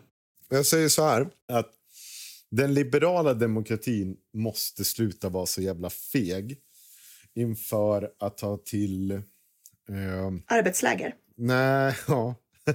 Nej, men snarare såna så här reaktionära verktyg för att säkra demokratin. Men balansen där... Du pratar om, om den där liberala paradoxen nu, typ. Mm, eller toleransparadoxen. Mm. balansen däremellan är hårfin och jag tänker inte gå in på den. Jag, jag har inget bra svar på det. Jag kommer vara arg åt båda hållen och säga när jag hör någonting så kommer jag... Och det finns säkert frågor vi kommer, kommer ta upp här som jag kommer kuka ur på att det här accepterar inte jag. För jag blir, blir liberal demokrati. Ja. Nu kommer vi till den mest spännande frågan. För att det är för att jag vet att Myra förmodligen inte har läst hit. Jag har inte det. Myra, Ja. din ute och innelista för 2020. Mm. Ska jag ge den alltså? Jag har ju skrivit den faktiskt. Ja, det är bara att ge den. Eh, Men jag kan, jag kan ge en, en, eh, jag kan ge en mer, så här, mindre raljant ut och innelista. Min ut och innelista för 2020 är, eh, det är jävligt ute med eh, tyckare och influencers. Det är jävligt inne med människor som är tråkiga. Va? Ah, vänta. Jo. Vi tar ute på utesidan och inne på innersidan så att vi kör en åt gången. Nej, men jag gör ju en mot gången. Jag ställer dem emot varandra. Det som är inne, då blir motsatsen till det ute per automatik. Jag går på toaletten och hämtar en apelsin så länge, så kan ni reda ut det här. Ja. Jag skulle säga så här, någonting som är jävligt ute är eh, känslotyckande. Känslotyckande är jävligt ute. Jag vill att 2020 ska vara ett tråkigare, mer sansat och eh, lite mer eftertänksamt år. Liksom. Inte så mycket glitter och glam och gud vad jag, det här känns bra i magen. Så att det är inne att vara tråkig och sansad, skulle jag vilja säga. Det är mina viktigaste för i år. Sen skulle jag också säga att det är jävligt ute med poddar 2020. Poddar är så jävla 2017 eller något. Men eftersom majoritetssamhället är boomers så kommer de, de har ju precis börjat fatta att man kan göra pengar på det här. Så att vi kommer, att- allting kommer att vara poddar hela tiden under 2020 och det kommer driva mig till vansinne.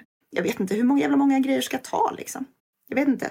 Så mycket du vill, men får jag påtala en sak? Mm. Jag tror att du är helt fel om poddar. Fast jag säger ju tvärtom. Det kommer ju bli mer poddar än någonsin därför att folk fattar. Ja, men då kan du inte säga att det är ute. Jo. Jag, alltså det var det jag frågade om jag ska ta det som jag önskar mig eller det som jag tror kommer hända. Ja, okej, då hörde jag inte. Förlåt. Ja. Men okej, men så här. Jag, om, jag, om det är vad jag tror kommer hända så tror jag så här. Allting kommer att vara en jävla podd. Alla ska göra poddar. Du kommer liksom, alla som tidigare gjorde böcker kommer istället göra poddar. Eh, du kan se det här till exempel i hur... ehm, alltså allting kommer bara vara poddarformat. Som tidigare typ hade varit böcker. Men vad då är inte det bara en ljudbok? Det, ljudbok finns. Nej, det är en annan, det är en annan form. Um, alltså ljudbok är ju en, en, en bok som är inläst. Medan poddformatet är mer eh, fri form. Liksom. Du skulle ju till exempel, så här, istället för att jag skriver en bok om eh, Sveriges största horungar så har jag en poddserie där jag bjuder in olika gäster i varje avsnitt. Men det är precis samma material. Liksom. Så att jag tror att allting kommer att vara poddar och det kommer att vara skitjobbigt. Jag tror också att så här, naturliga, det naturliga generellt kommer att vara inne. För att jag tror att vi kommer få en backlash på hela den här allting är så perfekt och så vidare. Inte minst därför att hela, hela gänget millennials är så jävla eh, nihilistiska och deprimerade jämt. Så att folk kommer att tycka att det är mer prestige att liksom prata om så här, att nu har jag, sitter jag och har tråkigt hemma och det är okej. Och oglammighet och typ inget smink. Det kommer att vara inne 2020. Mm. I ditt privatliv då? Om, för att få någon slags... Att folk får veta någonting om oss. I mitt privatliv? Ugh. Varför ska de veta något om oss? Myra kan säga nej. Det, ja, det här var inget krav. Inne för mig personligen är nog att eh, ta, ta fler samtal, tror jag. Möta fler människor. Åh, herregud. Och du, gud, nu vill jag... Nu får inte du vara med här något mer. Politikermyra på nya äventyr här. Det här är... Det är så viktigt att möta medborgarna de är i deras vardag. Men det struntar jag i. Oj, det var det... Nej, det var det... Nu går vi vidare. nu får Axel en fråga. Åh, gud. Ja, nej, det var faktiskt inte en Axel-fråga. Det här. Det har varit intressant att höra i alla fall. Eh, eh, I nuvarande blåsväder runt Linnea Claesson då all möjlig kasskritik slängs mot er. Eh, Eh, om det faktiskt finns någon kritik som är värd att reflektera över. Ja, eh, det, det tycker jag alltid att det finns. Eller snarare så här. Jag tror att jag skulle vara en jävligt dålig opinionsbildare slash whatever du vill kalla, kalla det vi håller på med. Eller det jag håller på med. Om jag inte alltid försökte faktiskt överväga om kritiken var värd att ta till sig. Så att även om någon kommer till mig, alltså även alla, varenda jävla gång någon kommer och säger så här, ja du bara älskar torskar och kukvurmar. Även om jag då vet jävligt väl att nej, anledningen till att jag är emot sexköpslagen kommer från att jag har haft väldigt täta kontakter med ett stort antal sexarbetare som är kritiska till sex, sex, sexköpslagen. Även om jag vet att det är därifrån det kommer så kommer jag ändå rannsaka mig själv eh, varje gång. Absolut, men nu tänker jag börja avbryta det. För att det, det är ett jättefint försvarstal. Och det här tror jag gäller oss alla. Men vad är det då? Vad är det för kritik som har gjort att du känner att det här är värt att reflektera över? För personen frågar inte om det är värt att reflektera över det, utan finns det någon... Men svara på frågan själv istället. Så istället för att du ska lägga tiden på att tolka frågorna. Det är inte du som intervjuar, Henrik. Du kan svara på frågan själv. Då kan jag ta ett, ett svar. Ja, men, jag har en. Okej. Eh, en sak jag tänkte på just Linnea Claesson. Det var eh, när DN skrev att eh, vi också har fått motkritik. Framförallt gällande tonen. Mm. Det tyckte jag eh, det var ett stycke som hade kunnat strykas ur den texten. För att om den främsta motkritiken mot allt som vi har lagt fram mot Linnea Claesson är vår tråkiga ton. Fast det är väl raka motsatsen till det personen frågade efter. Mm, faktiskt. Va? Vad frågade personen? Personen frågar om det finns någon ty- typ av kritik som vi typ är villiga att ta åt oss av. Ja, okej. Jag vet att ni är boomers, men det här är något som kallas ironi. Förstås av barn från fem års ålder. Eh, så någonting jag tyckte var otroligt legitimt. Jag ska vara övertydlig nu så att ni begriper. Någonting jag tyckte var otroligt legitim kritik var när DN i en text tog upp att vi även har fått motkritik som framförallt handlade om tonen. Jag förstod inte. Vi har inte fått... Ingenting har hänt. Det enda som har hänt är att folk har grinat. Vissa har försökt försvara Linnea Claesson. Andra har försökt ge sina egna hot takes baserat på våra avsnitt. Och så här, men tänk om det är så här att det är en månvarelse som krupit upp i röven på Göran Persson. Så svaret är nej. Du tycker inte att det finns något av kritik? Nej, det finns, ingen, det finns ingen som helst rimlig kritik som har framförts mot oss. Okej, du, jag, jag har rimlig kritik som har Ja, framförts till oss. Och då tänker jag mest på den kritiken som framförs i kring vår, det, det vi ser som indicier. Att det finns en massa olika typer av eh, indicier som vi har framfört mot Linnea Claesson som vi inte egentligen i slutändan har fog för. Och när det väl kommer in i media så, och när det har påtalats så är det alltid, alltid svårt att bemöta det på ett bra sätt. För det är fortfarande indicier. Det vill säga att Linnea Claesson, att jag, jag vet inte om jag skulle bete mig på ett annat sätt så när Linnea Claesson säger att det inte stämmer så ja, då, då stämmer det ju inte tills jag bevisar någonting annat.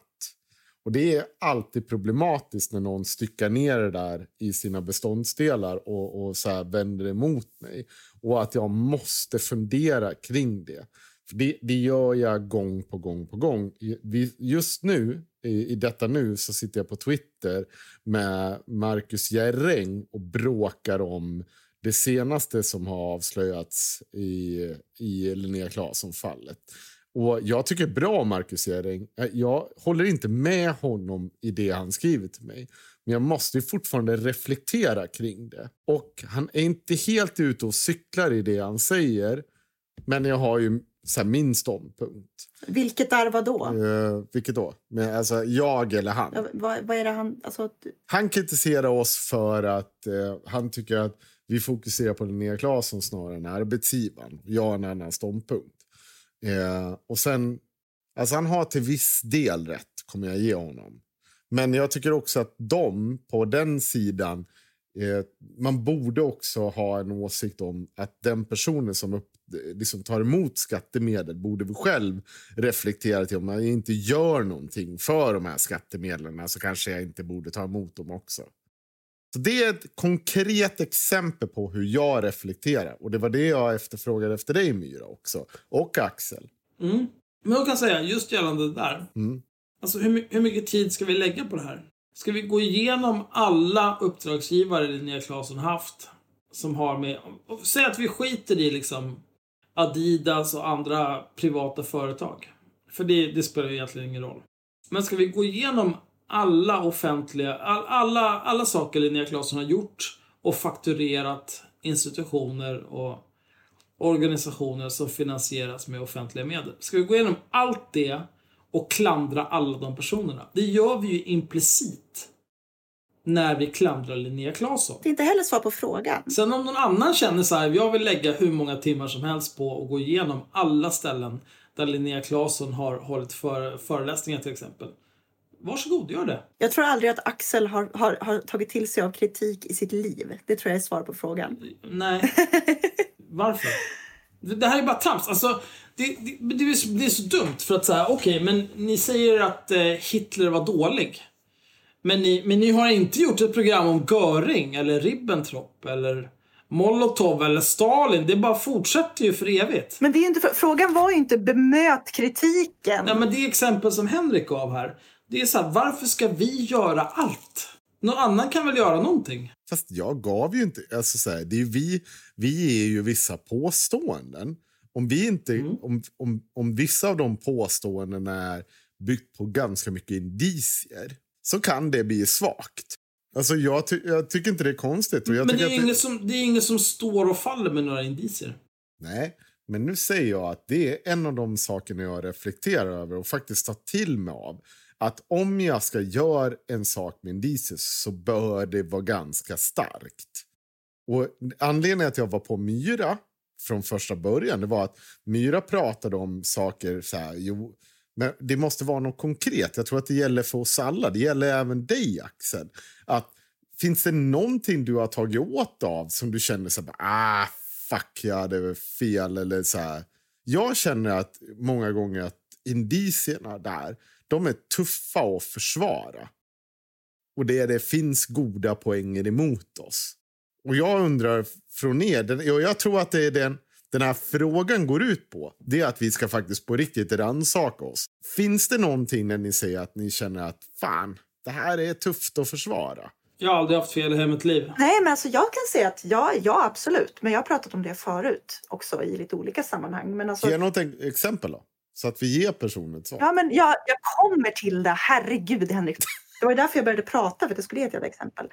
Till exempel så tycker jag inte om eh, den del vi spelar, spelat och spelar i den ganska liksom hetsiga cancel culture-grejen. Jag tycker ganska illa om eh, jag tycker att, att granskningen av Linnea Claesson till exempel för mig blev Eh, så jag tappade lusten för det när alla började hoppa på och skulle liksom, eh, så här, dreva mot henne och så vidare. Jag gillar inte det.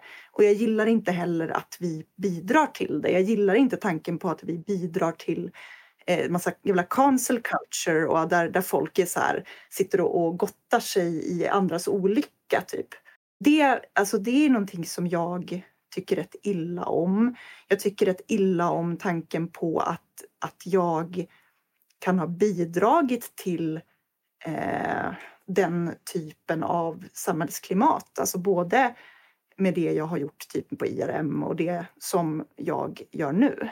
Eh, det tycker jag är jobbigt därför att jag vill inte i, i grund och botten, jag tror inte att det gynnar oss eh, som i oss som samhälle. Samtidigt så tycker jag väldigt bra om att få sitta och säga att folk är dumma i huvudet och peka ut när folk är hycklare. Mm. Vi, jag tror att vi gör så här. Vi återvänder till cancer culture. För att det där kräver ett samtal som... För det första, jag håller inte med dig. Men... Det behöver inte göra. Det var inte, det var inte frågan om vad vill vi är med varann. Du, det här var en fråga till om vad jag känner att, vilken kritik ja. jag känner att jag har tagit åt mig. Du kan inte ha en åsikt om det. Nej, det kanske du har rätt i. Men ni, ni kan väl diskutera varför ni tycker olika? Mm, men vi, vi, tar det senare. Så för jag tror att det kommer så en fråga om cancer culture eh, och sånt. Och jag tror att det är själva definitionen. Själva definitionen av det. Och jag, det är just snarare det jag inte håller med om. Det, hur du tog det an det. Men skit i Har du någonting Axel? Någonting av vad? Om, finns det någonting du tar åt dig av att du känner att så här, nej, det här blev inte så jävla bra. Jag har aldrig haft fel i hela mitt liv. Bra. Det är du och Joakim Lamotte. Då går vi vidare på nästa fråga. Åh, oh, gud. Eh, det här är en bra fråga. Finns det någon några klandervärda som rehabiliterat sig i era ögon? Alltså pudlat, backat och sedan gett en rimlig förklaring till sin beteende? Jag tycker till exempel att Elin Eksvärd när hon gick ut och faktiskt sa att eh, liksom kritiserade Linnea Claesson eller gick ut och sa att vi hade vissa poänger i våra kritik av henne och så där. Det var någonting som jag inte förväntade mig. Ehm, jag tycker att typ Hebelein Ann har haft ett par eh, tillfällen på senaste där hon faktiskt har gått emot Sveriges narrativet på ett sätt som jag tycker är hedervärt att göra. Jag vet inte, finns det bättre exempel? Jag tycker inte det finns några exempel. Eh, Elaine Eksvärd, när hon, eh, jag vet inte om man ska kalla den pudel eller inte, men eh, det var bedrövligt. Det hon sa, hon, hon sa, och då när haveristerna framför sin kritik och jag på sitt kanske inte så retoriska vis och jag har tagit åt mig av den. Det är liksom så här, hon vill inte ta något ansvar. Hon vill inte acceptera att hon hade fel hon säger det där bara för att hon är tvungen. Och när hon gör det så är hon också känner sig nödgad att hålla på och dryga sig. Det blir inget. Det är, det är inget riktigt. Hon, bara dry, hon är bara dryg. Hon gjorde det som krävdes för att hennes karriär ska leva vidare. Fuck henne. Och när det gäller Hebelein Ann, då, jag vet inte. Eh, vi kan se om ett halvår. Och se om det håller i sig eller inte. Eller om hon ska fara fram och tillbaka som en jävla jojo som hon har gjort i alla tider. Det är precis det jag menar, att jag har svårt att komma på någon som har liksom reformerats på ett sätt som känns trovärdigt. Det är därför jag säger att det finns vissa tillfällen där jag har blivit positivt överraskad. Men jag tror inte att det har varit någon av dem som jag pratat om och bara ah, de här är klandervärda som sen har fått backa på och säga nej den här personen var ju, är ju superrimlig. Gud vad skönt. Jag hade helt fel. Typ.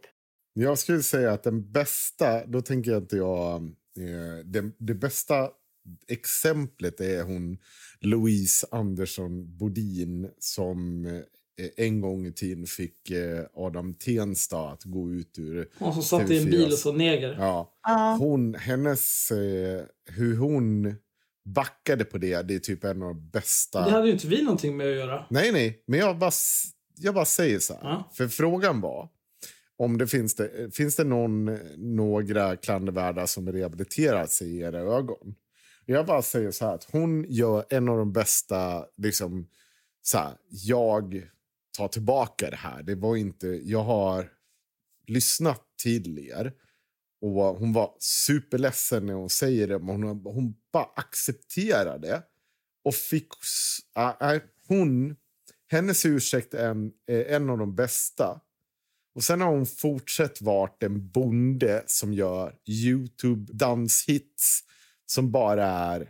Alltså så här, hon bara fortsätter. Jag tror inte hon är rasist. Jag tror bara... Nej, men det där är också så här, det, var liksom, det där är också kontext och intention. Ja. Är man oförmögen att eh, urskilja kontext och intention i de skeenden man bevittnar. Mm. Då, då, då kommer livet bli mycket svårare. Ja. Om man kommer försvåra livet för andra runt omkring sig genom att man är värdelös. Någonting som jag känner att jag skulle vilja se, som jag hoppas att vi kanske kommer se mer av, men det verkar inte riktigt troligt nu, det är ju just eh, människor som av olika anledningar liksom kom upp under, under metoo eh, som att de har betett sig svinigt mot folk. Och jag skulle kanske vilja se eh, någon typ av ansvarstagande där. Alltså, och då pratar jag inte om så här, vi måste se till att de blir sparkade en gång för alla, utan jag pratar om att människor som kan, nu när, nu när det liksom har gått ett tag, kan gå ut och reflektera över det och bara ja, nu fattar jag vad, vad som blev så fel och så kan man hjälpa andra att inte hamna i den där positionen när man beter sig som ett jävla svin. Det skulle vara fint. Mm. Det är en sån reformation jag ser fram emot. Vi har också fått en fråga, och lite tvärtom. Har någon till synes vettig person totalt havererat och vem i så fall är det värsta bästa exemplet på det här? Jag kan börja svara på det. Det är Frans Borssén. Det är en vän till oss Oj. som jag tycker har gått och blivit en Hanif eh, som bara slickar röv på Hanif Bali. Och han, han har varit en vettig liberal som jag har kunnat prata med som jag nu bara vill typ stoppa Oj! Det där var inte så smart. Var inte det så smart? Nej, Då blipar vi det.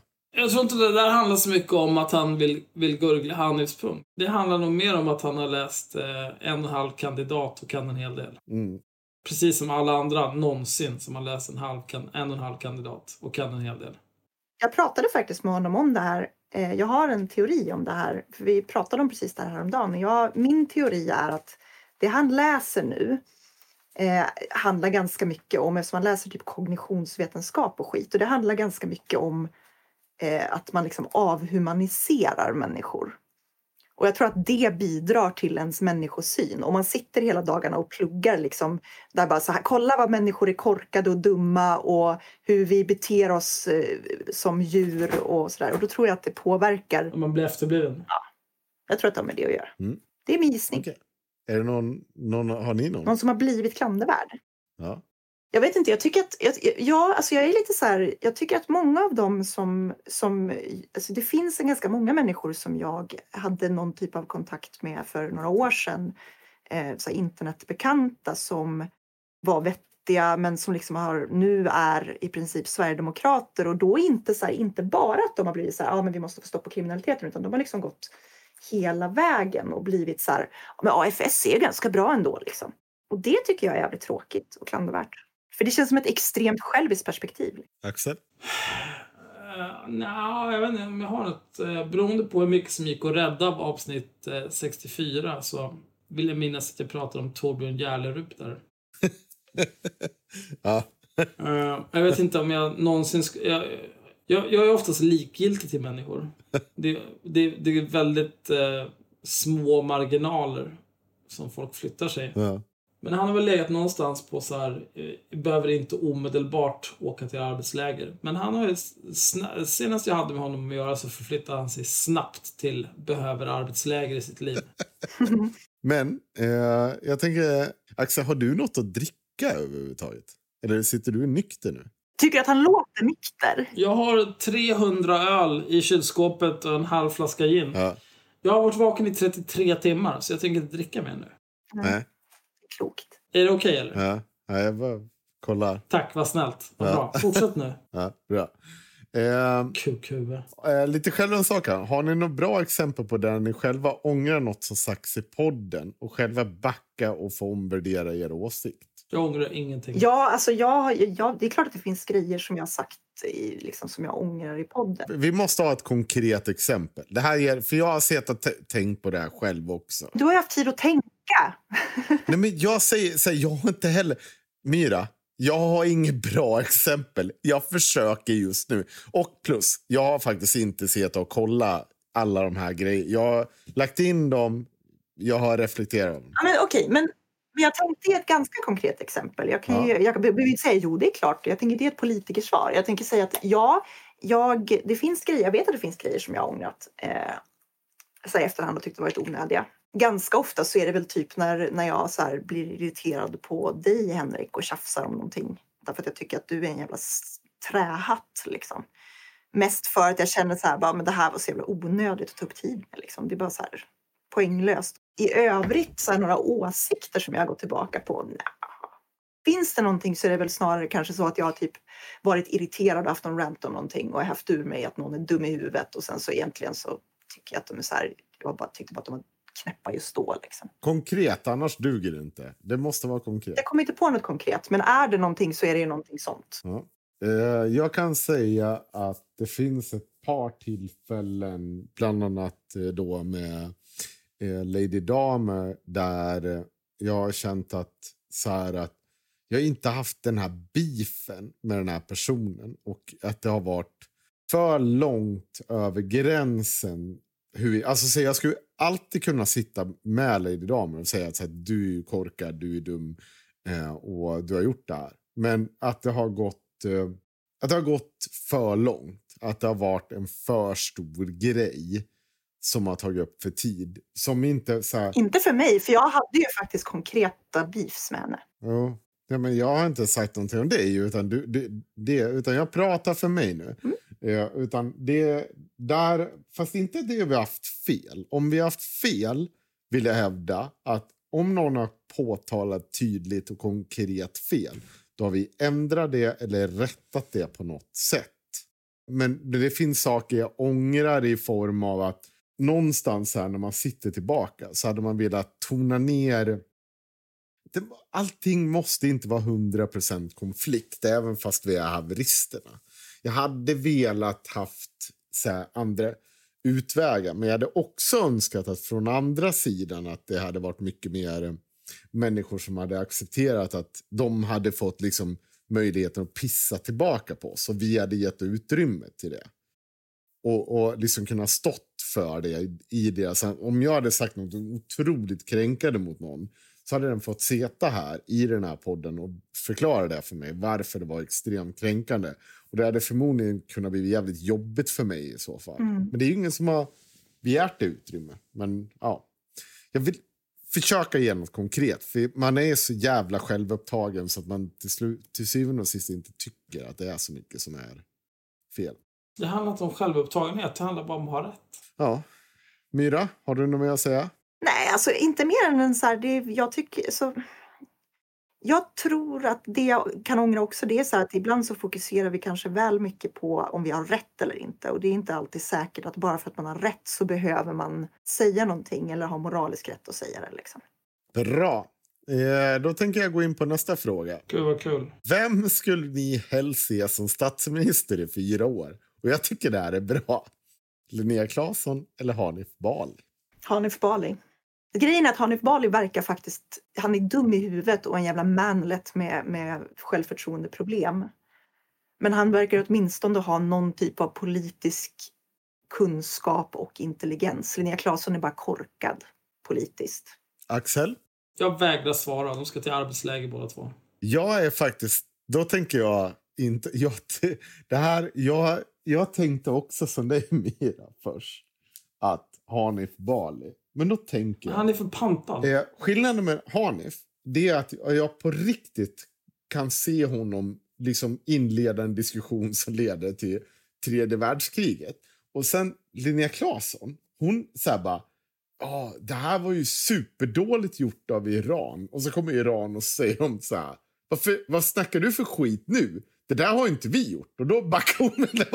Och så, och så tänker jag att där någonstans, så, det är bättre, hon gör min skada under fyra år.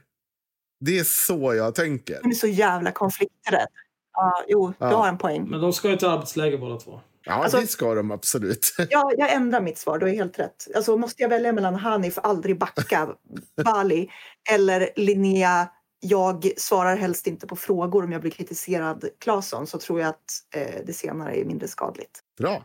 Om that bombshell så är vi tydligen överens också. Mm. Wow. Fråga 32. Hur ska eh, de andra partierna som inte vill samregera med SD eh, göra för att de inte ska bli större? Skaffa en egen politik. Precis. Ja. Ge några jävla visioner och lösningsförslag.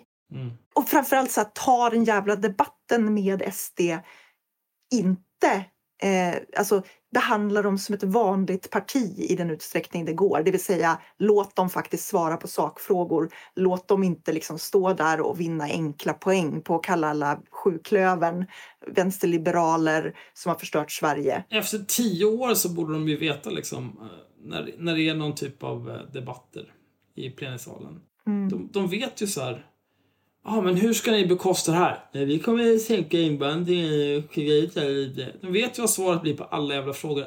Svaret är alltid ska minska invandringen, alla ska ut, hej och. Mm. Ha en motfråga förberedd. Ja, vad händer då med det här? Hur ska du lösa det här? Mm. Hur svårt ska det vara? Det är ju ert jobb. Nej, jag har inget att tillföra det. Ha en egen politik, bra.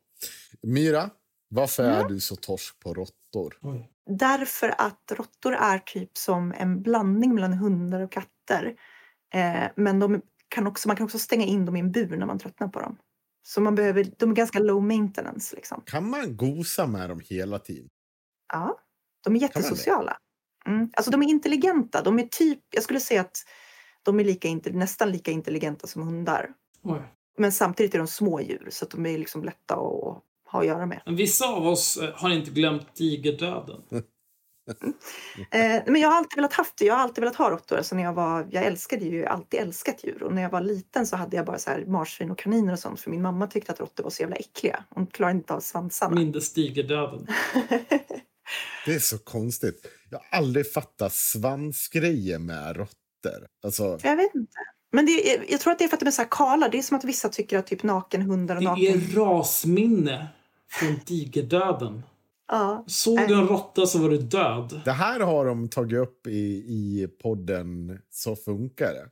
Att mm. eh, faktiskt råttor, om, när de eh, blir utsatta för en viss doft och en elstöt så kan de i, föda barn som också blir rädda för den doften. Ja, för att de är, jätte, de är så extremt eh, sociala djur. Alltså de är jätteintelligenta. Nej, det, det här har att göra med att hur, eh, hur erfarenheter förs vidare. Att de stänger av vissa grejer i DNA. Mm, okay. mm. eh, okay.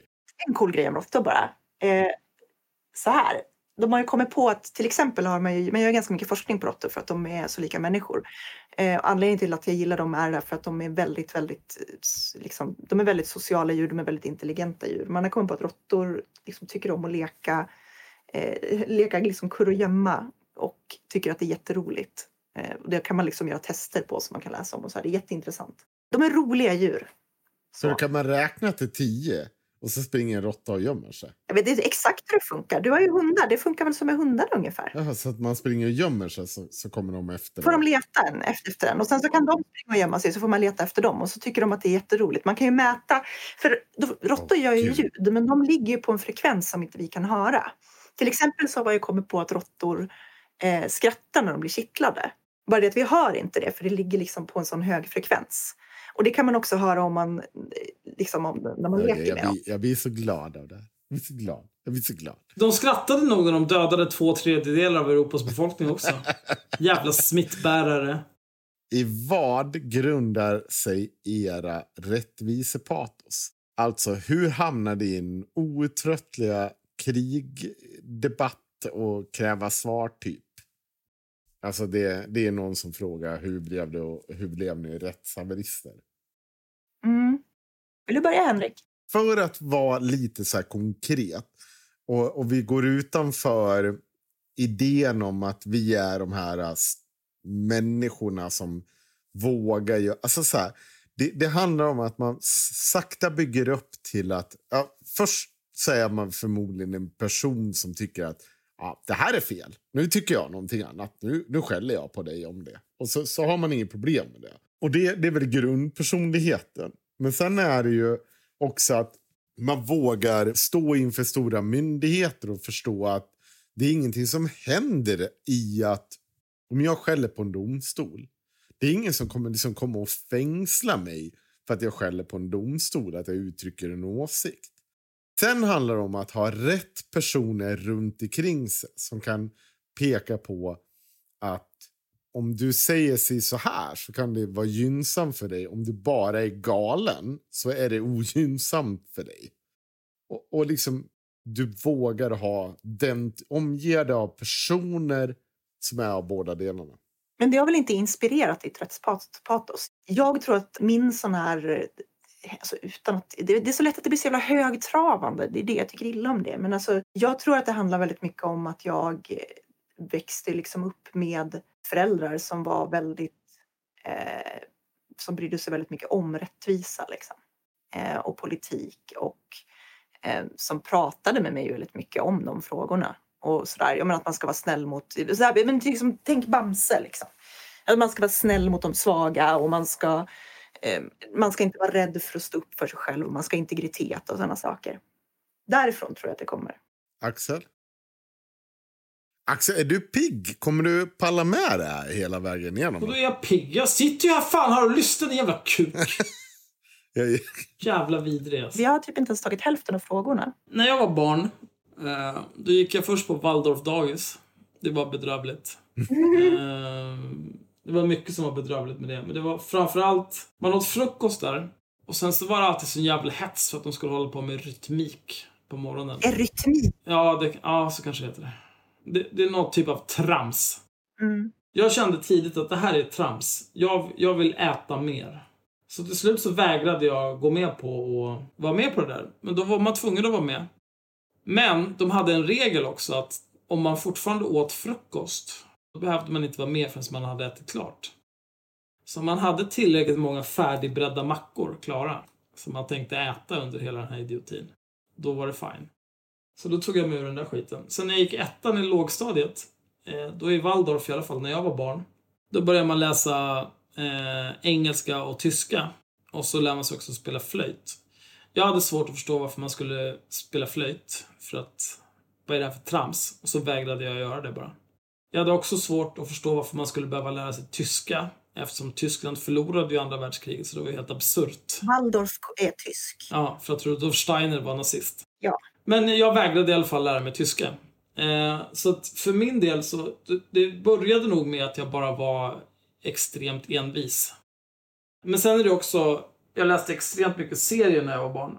Eh, och då finns det ju framförallt två citat. Först eh, Uncle Ben till Peter Parker. With great power comes great responsibility. Om du inte är eh, ett viljelöst jävla får och en korkad idiot som går med på vad som helst. Då kanske du behöver säga nej. Sen det absolut bästa citatet. Captain America. Doesn't matter what the press says. Doesn't matter what the politicians or the mob say. Doesn't matter if the whole country decide that something wrong is something right. This nation was founded on one principle above all else. The requirement that we stand up for what we believe, no matter the odds or the consequences. When the mob and the press and the whole world tell you to move, your job is to plant yourself like a tree beside the river of truth and tell the whole world No, you move. Mm. Så jävla bra. Så sjukt pretentiöst. Nej, det är så jävla bra alltså. Eh, och sen sa min mamma någon gång, jag vet inte när jag kanske var åtta eller någonting.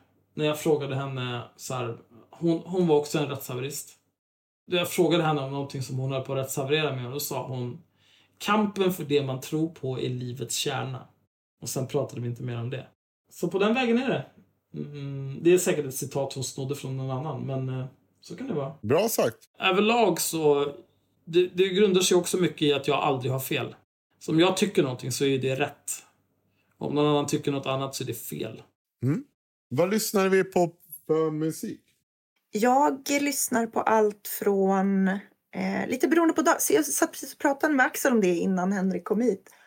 Eh, att jag, senaste veckan så har jag lyssnat jättemycket på Missy Elliott från typ slutet på 90, början på 2000-talet. Så att jag, jag har mer så här moods liksom. Och nu var det, har det varit väldigt mycket hiphop och R&B brudar från eh, tidigt 2000-tal. Oj. Men generellt så skulle jag säga att mina, mina största favoriter är, tittar man på typ Spotify så talar de om för dig att Elliot Smith är den artist som jag har lyssnat mest på de senaste tio åren. Så att jag får väl tro på dem. Axel? Eh, jag lyssnar inte på musik. Nej. Jag lyssnar på tre låtar i taget på repeat. Just nu så är det eh, den där vad den nu heter.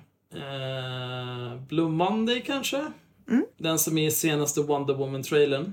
Ja, ja jag, jag vet vad det är. Den som är som på 80-talet. När de är Mm. på 80-talet. Ja. Mm. Eh, också första musiken till första trailern för Shadow Warrior 2. Och sen också, jag har glömt vad den heter. Det är typ, eh, jag tror det är, eh, nej jag, jag har förträngt vad den heter, det spelar ingen roll. Det räcker. Två låtar får ni. Okej, men då är det min tur. Jag är en riktig jävla P3-hora. Och det betyder att allting som går på P3, eh, det är någonting jag lyssnar på. Men sen har jag ju också den där tilläggsgrejerna. Att allt från liksom Rage Against the Machine till typ dödsmetall till... Alltså det, det finns så mycket där. Oavsett, alltså det bästa konserterna är ju när det kukar ur. När folk bara... Det, det ska vara gör ont i själen och bara folk skriker rakt ut och bara... Mm, det är bra. Mm. Eh, så har vi fått... Eh, jag är fortfarande så förbannad på hur Myra ska horstämplas och sexualiseras av diverse rövhål. Vad får ni andra utstå för skitkastning? Eh, jag kan börja där. Eh, det är ju inte... Det inleddes av all den här skiten. Det är såklart att jag hatar kvinnor och att jag typ skulle vara våldsam mot kvinnor. Det här känns som en helt sinnessjuk sak att säga. Jag har aldrig lyft min hand mot en kvinna. Jag har aldrig på något sätt gjort någonting som skulle liksom så här, vara i närheten av straffbart mot en kvinna i sexualiserat våld eller hot eller bla bla bla. Jag har inget problem med att säga det inför 20 000 för då kommer det alltid finnas någon där ute som kommer säga så här. Nej men så var det inte. Men kör då. Do it. Testa mig. Det är bara sånt jävla trams. Jag har aldrig gjort det. Punkt. Jag eh, backhandade en tjej för eh, 20 år sedan på Kellys typ. Det var välförtjänt. Det var, har du varit på Kellys vid eh, Medborgarplatsen? Ja. Det är supertrångt. Man sitter längst in. Eh, så är det supertrångt när man ska ut. Och det var när de stängde. Alla står där och trängs och hatar sina liv. Och så känner jag så här någonting vasst i ryggen. Vänder mig om. Då står det en äcklig liten tjej där och armbågar mig i ryggen. Och så sa jag, skulle du kunna sluta armbåga mig i ryggen? Vi är alla på väg åt samma håll här. Det går liksom inte fortare. Jag kommer ingenstans här. Och så vände jag mig tillbaka framåt. Fortsatte hon armbåga mig. Sa jag till henne igen. Då sa hon, du borde inte ens vara i mitt land din äckliga jävla neger. Sa jag, okej, vad bra. Du kan dra åt helvete din dumma apa. Då tog hon tag, jag hade eh, t-shirt för det var sommar. Tog hon tag på insidan av min höger, höger överarm och bara klöste sönder. Så då drog jag bort armen framåt och backhandade rakt bakåt. Mm. Det var fantastiskt. Bra. Då, Jag tycker ni ska ringa polisen. ja. Eh, Myra, hade du något mer? Nej, alltså jag vet inte. Vi, vi, jag tycker att så här, hela den här grejen att du är rasist och du är kvinnohatare och så. Jag tycker att vi typ hela första säsongen av podden så pratar vi ju om det eh, ganska mycket. Och jag, jag har ju uttryckt vad jag tycker om det och hur dumt jag tycker att det är.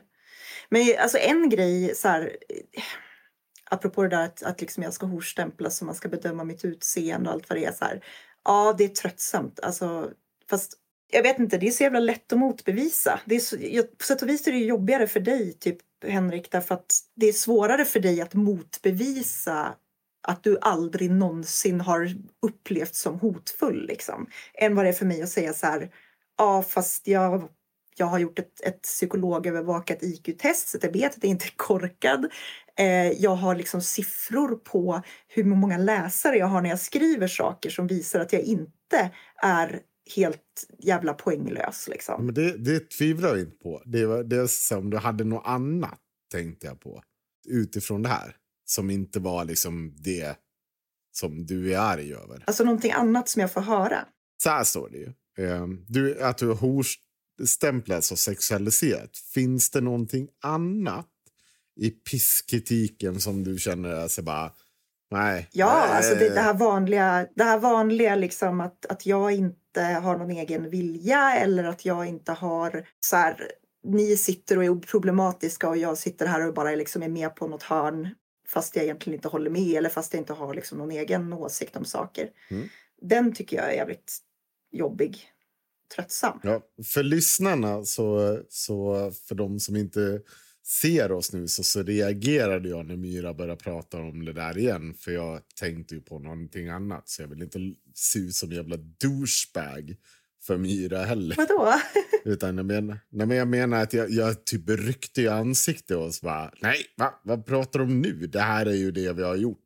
Mm. Skit samma, jag menade någonting annat. Nej, om du kommer på något så kan du säga det. Så kan jag vara arg på det också. Nej, men om, jag, jag tänker på att vi själva... Ja. Vilken meningsmotståndare, nemesis, tycker ni irriterande nog kan ha rätt i sak ofta? Eller kanske håller med oftare än vad ni skulle vilja erkänna?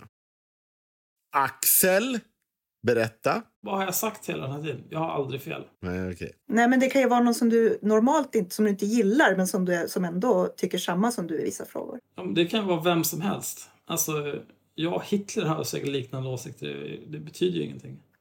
Det är som så här, "Åh, vet du vilka som drack vatten? Hitler. Du dricker också vatten. Det är liksom så här, både jag och Hitler inte tycker att man ska sparka på kattungar. Det var det Ja, men det- jag inte. jag. Kan du inte komma på någon? Nu börjar ju du låta som jävla... det här var det tramsigaste jag hört. Du, någon Men vad ska det vara? Men någon måste det väl vara? Som du tycker är lite intressant. Varför måste det vara det? Ja, men, Nej, vad, vad skulle det vara? Ja, men du behöver ju inte säga Men att... då, då kan väl ni två komma på någon, om det nu är så jävla lätt. Kom på någon som har någon åsikt som jag skulle hålla med om, trots att jag i övrigt tycker att personen i fråga är en horunge. Ja, jag, jag kan. Jag, jag tänker Mm. då på två personer. Det, är- det är faktiskt två personer som... En som har varit med i podden, det är Henrik Jönsson. Eh, han har en del goda poänger. Men han är en kukballefitta. Eh, och den andra är Navid Modiri. Om det inte vore så att han var så jävla självupptagen och att jag inte tror på någonting. Alltså så här, jag tror inte på den här personan de människorna har. Eller Henrik Jönssons persona tror jag på. Den tror jag på på riktigt. Jag tror att det är så här han tycker och tänker. Men han är också en persona som kan umgås i alla sammanhang. Men han, men han har ju inga kontroversiella åsikter. Henrik Jönsson ju. Han, han är ju bara... han- gör liksom överproducerade Youtube-videor där han ändå väljer att stava fel ibland på sina rubriker. Och så sitter han och bölar om hur det har blivit i Malmö. Mm. Det, det är bara trams. Fast han är fortfarande en som irriterande nog har en hel del poänger. Mm. Mm. Ja, det, det, du är du välkommen att tycka. Har ni andra? Någon av sån? Ja, men det finns ju jättemånga.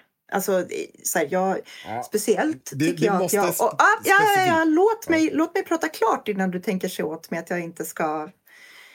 Eh, jag måste få komma in på det. Eh, till exempel så har jag väldigt ofta, känner jag väldigt ofta att jag kommer lite bättre överens med typ högerliberaler än jag skulle gilla. Eh, jag kan tycka att väldigt många gånger när till exempel Mattias Svensson skriver någonting så tycker jag att så här, men det här är ganska vettigt. Men även om jag liksom inte egentligen vill hålla med honom därför att han är en jävla liksom, klassisk liberal på ett sätt som jag tycker är generellt eh, jävligt klandervärt. Jag, jag kan ofta hålla med Mattias Svensson om saker, men jag tycker å andra sidan inte att han är en horunge. Så att, Ja, det tycker inte jag heller. nej, men jag tänker mer att han rör sig i, liksom i... Om man ponerar att man ofta ser sig själv som liksom i epicentrum av rimligheten. Mm. Då tycker jag att till exempel Mattias Svensson är tillräckligt nära epicentrum av rimligheten för att vara en normal människa. Okej. Mm. Så det, det, känns, det känns okontroversiellt att hålla med honom i vissa frågor. Mm, mm. Medan till exempel, eh, jag vet inte, jag tror aldrig jag sett Hanif Bali till exempel säga någonting som jag känner är så här. Bra sagt Hanif. För att allting han säger är efterblivet. Ja, men det kan jag hålla med om. Lamotte, efterbliven. Det håller jag med om. Det, det är ju liksom... um, Antingen så är du liksom i, inom rimlighetsradien Eller så är det inte det. Nej, men det, det är ju också för att Hanif aldrig, till skillnad från Mattias Svensson, Mattias Svensson ger sig in i alla ämnen. Han har en ideologisk utgångspunkt där han tycker saker, vilket jag har respekt för som jag inte nödvändigtvis håller med om. Men han har en tanke kring allting. Hanif Bali är ju bara så här, okej, okay, nu, nu, nu har inte Stefan Löfven gått ut i tid här och sagt nog mycket om eh, de här människorna som dog i den här kraschen som jag egentligen inte bryr mig om. Och in, vi vet inte nog med så... Nu kör jag! Nu kör jag! Mm. Nu kör jag! Och så ska man bara ta ställning till det. Nej, nej, nej, nej, nej, nej, nej. Så funkar inte livet, Hanif. Det, det är mycket lättare att då hantera en person som Mattias Svensson som har jätteextremt vitt skilda åsikter mot mig i alla de ideologiska frågorna. Det är så att jag sitter varje morgon när jag åker till mitt jobb och blir tvungen att stödbajsa i, i Säter eh, på en offentlig toalett. Och så ser man så här, någon har skrivit på kludd på väggen. Så står det så här, fuck, eh, vad heter det, eh, när man blir tvungen att vara med i armén. Vad heter det? Värnplikt. Värnplikten. Ja, och då, då fotar man den och så skickar man det till Mattias Svensson. För att Mattias Svensson, han är en sån typ av liberal som tycker att ingen ska tvingas till saker och bla bla bla. Ja, alltså, det är de nej, nej. människorna man vill ha kontakt med för att utveckla sina egna idéer. Det är därför han inte är applicerbar. Nej, precis. Jag, det var det jag tänkte också. Att, att det kanske måste vara någon typ som att, att Hanif Bali skulle skriva någonting och skulle känna så här, fan jag vill inte hålla med om det här. Men det, han har ju rätt liksom. Fast det, nej, nej vet ni vad? Det är, nej, nej, jag, jag tror, nej förresten. Nej, det är precis applicerbart. Matti, om, nu när jag inser det, eller när vi, när vi pratar om det, Mattias Svensson är precis den typen av debattör som jag blir så irriterad av, som faktiskt har rätt. För Hanif Bal är inte det. Hanif Bali svamlar ju bara. Det här handlade väl om att, vi, att det är någon person vi tycker illa om som ändå måste hålla med för att de har rätt i sak. Någon som vi anser vara klandervärd. Ja, fast jag tycker ju illa om Mattias Svensson. Men det Han gör är ju fucking inte. Liberty. Det är klart jag gör. Du håller ju inte med honom ideologiskt men du tycker inte att han är en horunge. Jag tycker otroligt illa om Mattias Svensson. Som, alltså som, äh, inte som person, men som politisk åsikt. Men han har ju rätt en del gånger i det här. Mm. Nej, sorry. Men... Det var ju mitt exempel. Ja, Varför jag... försvarar du mitt exempel? du får komma på ett eget. Nej, men jag, för då håller jag med om ditt exempel. Mattias Svensson, 100 procent. Mm. Jag är... ja, inte Mattias Svensson eftersom han är en rimlig person som det går att diskutera saker med. Ja. Om man är intresserad av det. Men Navid Modiri var också ett bra, ett bra exempel. Nej, men han, Navid Modiri är ju en massiv horunge som aldrig haft rätt i sitt liv. Men jag tycker att han har rätt i vissa... Jag tycker att... Nämn en sak. Nämn en sak. En sak är att jag tycker att det är eh, en hedervärd föresats att säga att, att vi behöver samtal där människor från helt olika sidor... Det är bara en gimmick! Det Men det spelar ingen roll. Men det spelar väl ingen roll? Han har en ja, poäng. det spelar för fan kontext och intention. Han bara... Så jag visste att han var en horunge när han bjöd 47 000 för att golfa med Jimmy Åkesson. För fan alltså. Ingen människa har någonsin köpt så billig reklam som den där jävla apan gjorde med det där. Tror ni inte att han sålde föreläsningar då också? Ja, jag är samtalscoach. Jag, jag kommer in till... 47 000 för att bli omskriven i riksmedia, varenda jävla tidning. Fan den bäst spenderade pengarna han någonsin har lagt sitt liv, den jävla apan. Fy fan vilket jävla svin han är alltså. Okej, okay. då oh. tänker jag ställa nästa fråga. Hur ser podden ut om tre år? Den finns inte längre. Jag hoppas att jag är död om tre år. Ja, jag med. är det ert svar? Ja. Oh. Alltså jag tror så här, det, vad, är det vad jag vill eller vad jag tror? För att grejen är att jag, jag, jag vill ju tänka att så här, att vi har hittat andra saker att göra med vårt liv om tre år. Men om jag känner mig själv å andra sidan så insåg ju jag i typ höstas någon gång att vi redan har hållit på med den där i nästan tre år. Det tar aldrig slut. Nej.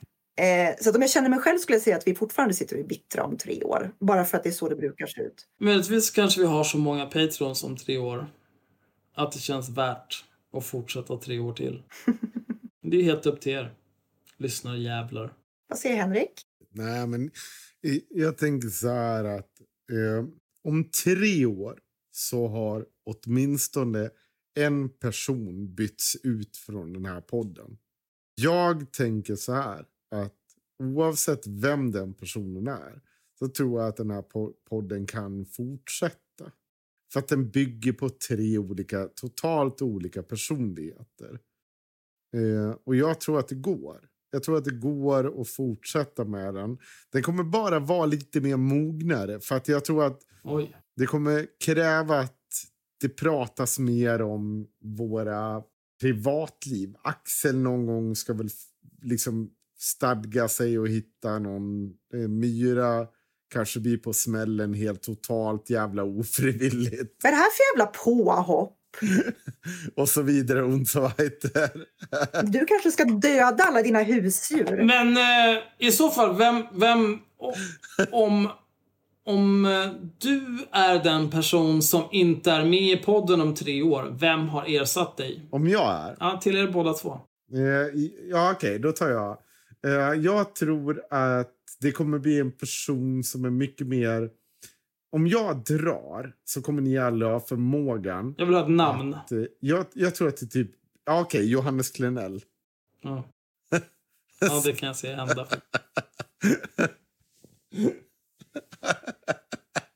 Man skulle nog lättare att byta ut mig med Johannes Klenell. Nej, nej. Du eh, därför att, jo, därför att det är du som gör allt det tråkiga journalistarbetet. Och det, vill, det vill nog inte Johannes Klenell heller göra. Så att om du lämnar podden då kommer vi behöva hitta någon annan som tycker att det är roligt att sitta och ringa till idioter och intervjua dem. Åh oh, gud, Fabian Fjälling.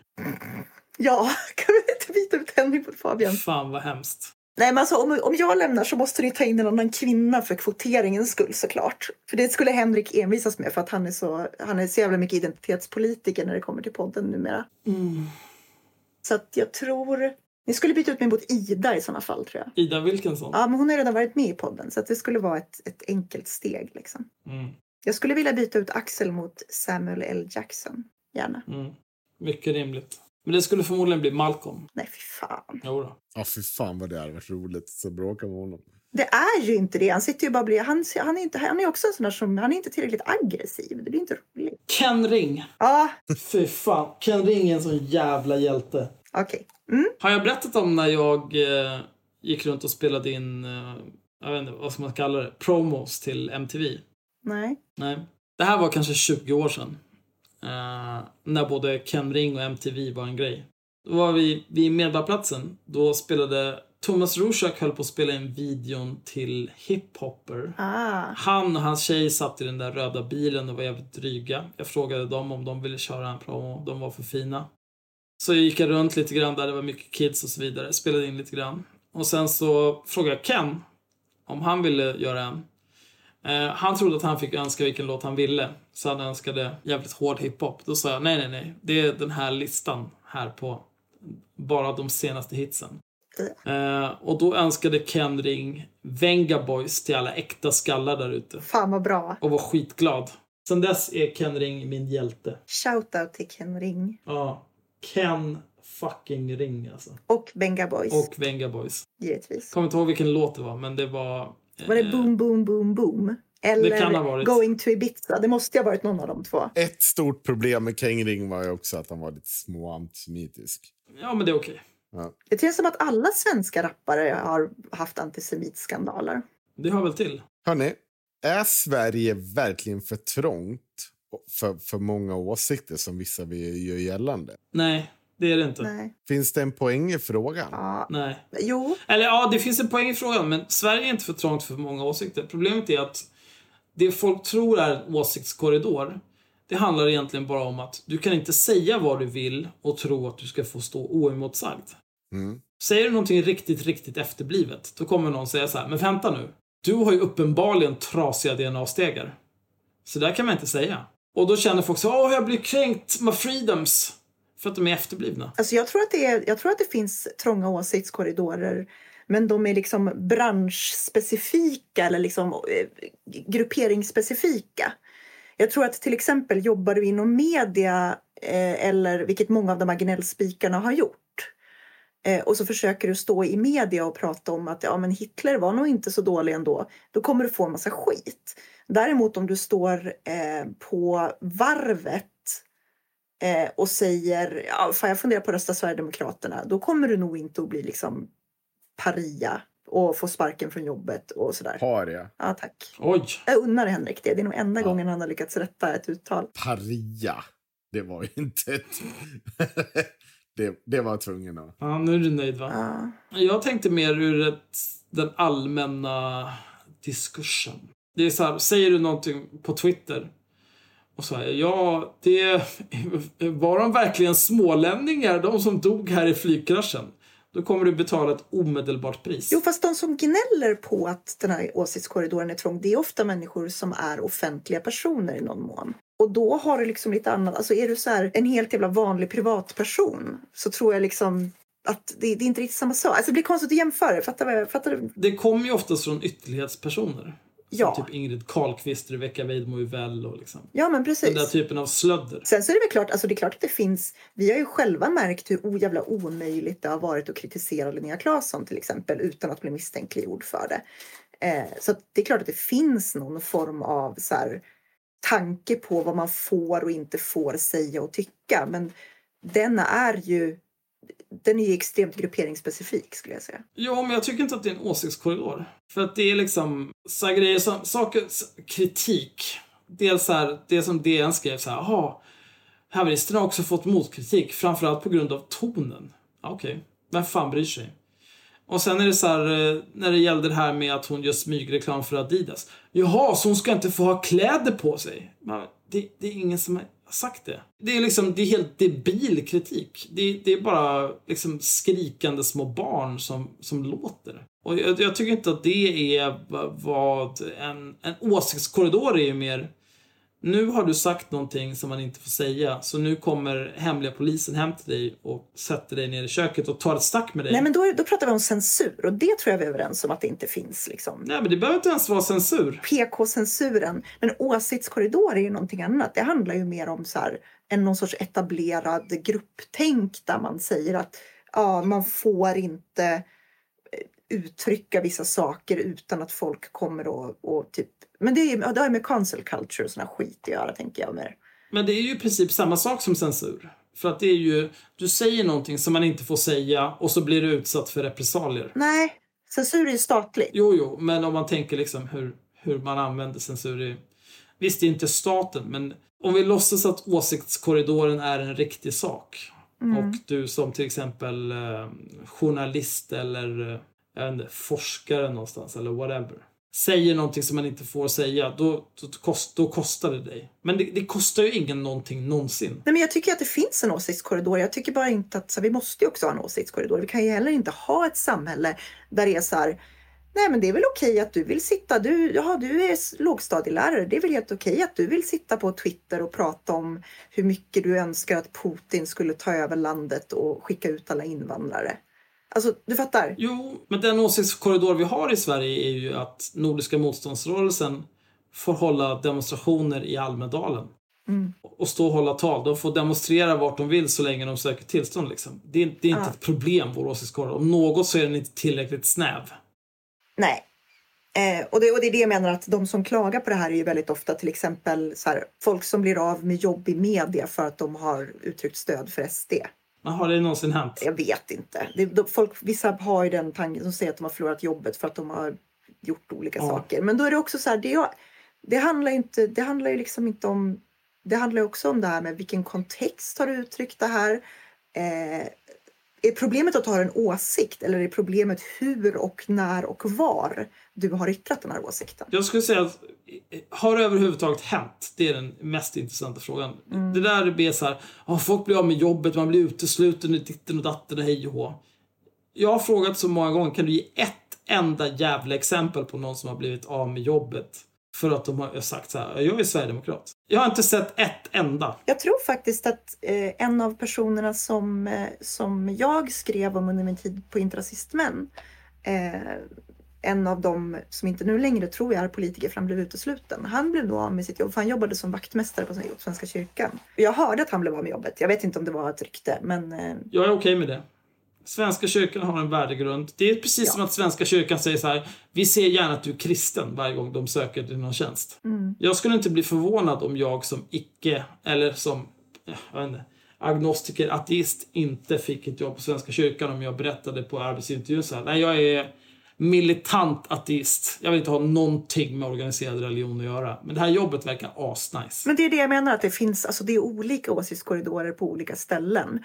Och då är frågan så här, behöver du uttrycka alla dina åsikter på alla ställen? Eller är det kanske så här, på samma sätt som jag kanske inte behöver sitta på en söndagsmiddag hemma hos min farmor och prata om hur kul jag tycker att det är med strypsex. Oj. Så kanske jag inte, jag kanske inte behöver ta upp det på liksom min farmors middag. Däremot så kan jag ju prata om det i ett annat forum och det är samma sak där. Jag kanske inte behöver sitta på mitt offentliga Twitterkonto inför hela världen och prata om att jag tycker att det har varit lite mycket invandring om jag jobbar på en plats där det kan få folk att känna sig obekväma.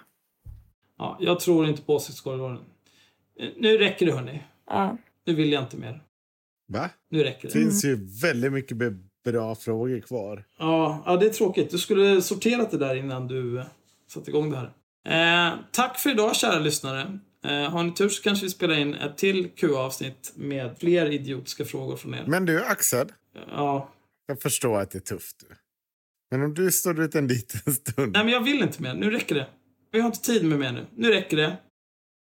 Puss och kram. Jag önskar det vore så här varje gång jag tyckte att det vore nog. Problemet är ju att du somnar ju bara som den jävla kuk du är.